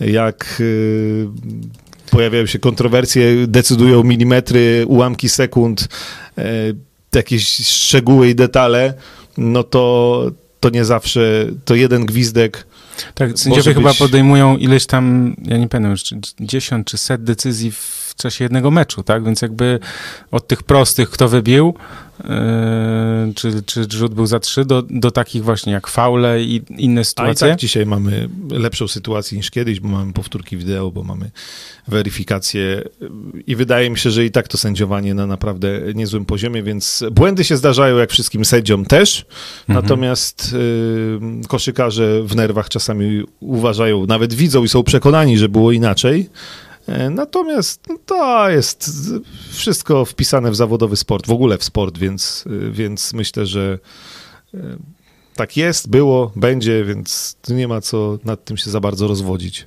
Okej. Okay. I mam ostatnie pytanie, takie, które sobie zapisałem, teraz od Mateusza, wcześniej było od Mariusza Białka. Teraz pytanie od Mateusza, czy Jam, Jamorant jest przyszłym Hall of Famerem? No i to jest też dłuższy wywód, to skracam czy ma szansę kiedyś za parę lat na MVP, a może e, Luka, Zion albo Tatum, e, że może oni są lepsi e, i wie, że wielu ekspertów wytykało nieskuteczność Donciciowi, który miał 29% za 3, a Morant ma 25%. I nie widziałem, by ktoś to poruszył. Że moim zdaniem Morant, Morant jest przehajpowany. Czy ja wiem? Znaczy, jak, jak miał typować przyszłych e, członków Galerii Sław, to, to tam wymieniono trójkę szybciej wymienił niż Jamoranta. Ja mam wrażenie, że Jamorant szczerze to obawiam się, że... Russell Westbrook? Nawet nie, bo ja myślę, że to nie jest. Nie, oczywiście. Może się rozwinąć niesamowicie jeszcze mhm. i na pewno papiery nagranie całkiem niezłe ma. Natomiast żebym ja miał typować w najbliższych, nie wiem, 10 latach, że Jamoran będzie MVP sezonu zasadniczego, to powiem ci niekoniecznie, no. Szczerze powiedziawszy. I jeśli już, to tam kolejkę mam dłuższą i jest tam Luka Doncic, jest y, Zion, kto tam jeszcze był w tej trójce? Tatum. Tatum, Twój ulubiony. Oczywiście, no, bezapelacyjnie, bez dwóch zdań, to są na ten moment lepsi koszykarze, po prostu. No, znaczy ja nie wiem, moim zdaniem jest jeszcze dużo czasu do tego, żeby e, zarówno, znaczy Luka, Zion i Tatum na pewno tam będą w tym topie, bo pamiętajmy, że za 5-7 lat nie będzie Stefa, Lebrona, tak? Będą za to nowi. No, będą nowi, ale tymi 30-latkami będą właśnie ci, których wymieniliśmy, tak? Że, no to wiadomo, że ligą rządzą przeważnie, najczęściej właśnie. Luka Doncic tam za 10 lat będzie 30-latkiem. No to prawda, no, więc, no, no właśnie, o ty, ale o tym mówię, że on będzie wtedy powiedzmy w tym mm -hmm. swoim, jak to się ładnie mówi, w prime. Tak? Pięknie. Czyli e, wiemy o co chodzi. No dobrze, e, kończymy, bo już jest 23.05. My się zobaczymy najprawdopodobniej, jeszcze to ustalimy, ale za dwa tygodnie? Za dwa tygodnie, tak jest, to 30 e, marca. Jeśli ktoś chciałby też posłuchać, bo na przykład nie obejrzał od początku, oczywiście zaraz będzie to na YouTubie dostępne od początku też, ale e, wieczorkiem, czyli powiedzmy, że na rano będzie na SoundCloudzie, Spotify'u, w podcastach Google'a, e, także też można będzie nas posłuchać. E, przypominamy o łapce w górę, jak już kończymy, to pamiętajcie, żebyśmy tutaj dobili jeszcze no do 200 chociaż właśnie, tak? Jest 114. No, bez problemu. Łapki w górę. Tak jest. E, I co? Aha, i jeszcze taki, taka myśl, w sensie, bo pytaliście kiedyś i ktoś jeszcze do mnie pisał o donate, tak, żebyśmy tutaj robili i tak dalej, to zostawmy. Jeśli lubicie nas y, posłuchać, y, oglądać, to naprawdę polećcie znajomym, którzy lubią NBA, wchodźcie na ProBasket, czytajcie na, na ProBaskecie newsy, róbcie odsłony, e, polecajcie i to będzie naprawdę dla nas e, no, lepsze niż donaty. Tak, największe wyróżnienie, a my sobie jakoś, jakoś już sobie poradzimy. Tak, jeszcze nie musimy. Tak jest. Dobra, e, to dziękujemy bardzo i widzimy się no, za... Maciej Szytela i co bez PLK.pl. Aha, A, chciałeś coś powiedzieć jeszcze? Je, bo przecież Maciej Szetela wysłał nam na, tylko na priwa na Twittera pytanie o sytuację we Wrocławiu. Mhm. mamy czas? Proszę, pan mówi. E, więc Maciek, bo to Maciek, bo to e, twoje pytanie i, i, i szczerze powiedziawszy, chyba obaj mamy to samo do powiedzenia, że my średnio się orientujemy w całej sytuacji we Wrocławiu. Znaczy orientujemy się na tyle e, gdzieś tam, gdzie z perspektywy Warszawy i naszych znajomości możemy się dowiedzieć, że jest tam konflikt prawny. Maciej Zieliński, ten Maciej Zieliński, słynny koszykarz, został niedawno prezesem. E, Śląska Wrocław, tylko że jest już jeden prezes Śląska Wrocław. Mhm. E, I, no i w tej chwili są panowie Lizak i panowie, i pan, pan Lizak i pan Zieliński tytułujący się prezesami Śląska Wrocław. Są dwie fundacje. E, za tymi fundacjami stoi dwóch polityków e, z Nowoczesnej i z Platformy. Z Platformy oczywiście pan Schetyna. Pan Schetyna. I no i, no i generalnie jest konflikt. Jest konflikt, który jest w sądzie, e, jest oświadczenie na stronie klubu, mm, że jedna z tych fundacji no, wygrała w sądzie, ale to jest wyrok nieprawdomocny, więc jakby nie może no, w tej sytuacji Maciej Zieliński zostać e, prezesem, e, że trzeba poczekać na wyrok ostateczny w sądzie, więc tam jest dużo zawikłanych rzeczy. Na pewno ogólnie cała ta sytuacja jest dla Śląska Wrocław zła, bo to w tym sezonie Śląsk walczy w tej chwili o drugie miejsce w y, polskiej lidze. Naprawdę dobry sezon. Natomiast zamieszanie ogromne, dwie fundacje, które z politycznym zapleczem, ta polityczna walka też między jakby ludźmi związanymi z tymi fundacjami trwa i w Radzie Miasta chociażby i tak dalej. Natomiast y, dwie fundacje, dwóch prezesów, no to nigdy nie wróży nic dobrego. Jakbyśmy nie lubili Macieja Zielińskiego jako koszykarza, to E, no to, to nie, nie, nie staniemy tu po żadnej ze stron, bo wydaje mi się, że tam jest bardzo zagmatwany konflikt, który na pewno nie służy Śląskowi Wrocław. To... On nie służy w ogóle całej polskiej koszykówce też, musimy tak, to powiedzieć. To jest kolejny kolejna jakaś... konflikt, problem w tak, polskiej koszykówce. Więc najlepiej by było dla wszystkich i dla dobra całej e, koszykówki, żeby to e, no nie było takich problemów, tak? Czy w tym klubie, czy w każdym innym, więc ja się nie odniosę, bo też nie znam szczegółów w sensie i trochę, mówiąc szczerze, nie chcę w to wchodzić, bo to, co zawsze ujrzy światło dzienne, to jest jedna rzecz, to, co jest za kulisami, to jest druga rzecz, dlatego nie wiem, no nie powiem w tej sprawie nic odkrywczego, ani nic mądrego, no. Same problemy ostatnio. Jak, nie wiem, czy widziałeś dzisiaj braci ponit, po, po, ponitków. No tak, to też jest y, efekt ich konfliktu. Na, na smutno za, zakończymy, że się ten no, chcieliście PLK. No nie, to ja napisałem, że chcę konflikt. Chciałem trochę jakoś inaczej, w sensie coś pozytywnego, ale pozytywne jest to, że my się zobaczymy za dwa tygodnie i że NBA tak. gra, że PLK też gra i niech walczą wszyscy I będziemy prostu. już wiedzieli, kto gdzie gra też. Tak, bo, bo pamiętajmy, 25 marca jest zamknięcie okienka, także to też lecie i na pewno, o, w zamknięciu okienka możecie być pewni, że specjalny news na ProBaskecie aktualizowany, tak to się mówi, na żywo, więc jakby ta relacja w ciągu dnia e, będzie, także e, polecamy, zapraszamy. Coś jeszcze? Jakiś komentarz ostatni? Nie. Nie, Go że... Jazz. To samo w Polonii Warszawa. No, no niestety, no, niestety. to już moje serce krwawi, bo ja wychowany na K6, konwiktorska 6, więc jakby, to, ale to już, to jest dramat, bo jedna z najlepszych drużyn od szkolenia młodzieży w Polsce i takie rzeczy tam się dzieją też. Więc no niestety, takie polskie piekiełko. Tak, kończymy. Tak jest. Dziękujemy bardzo. Krzysztof Sendecki. Dziękuję bardzo. Michał Pacuda. Dziękuję bardzo. Do zobaczenia. Do zobaczenia.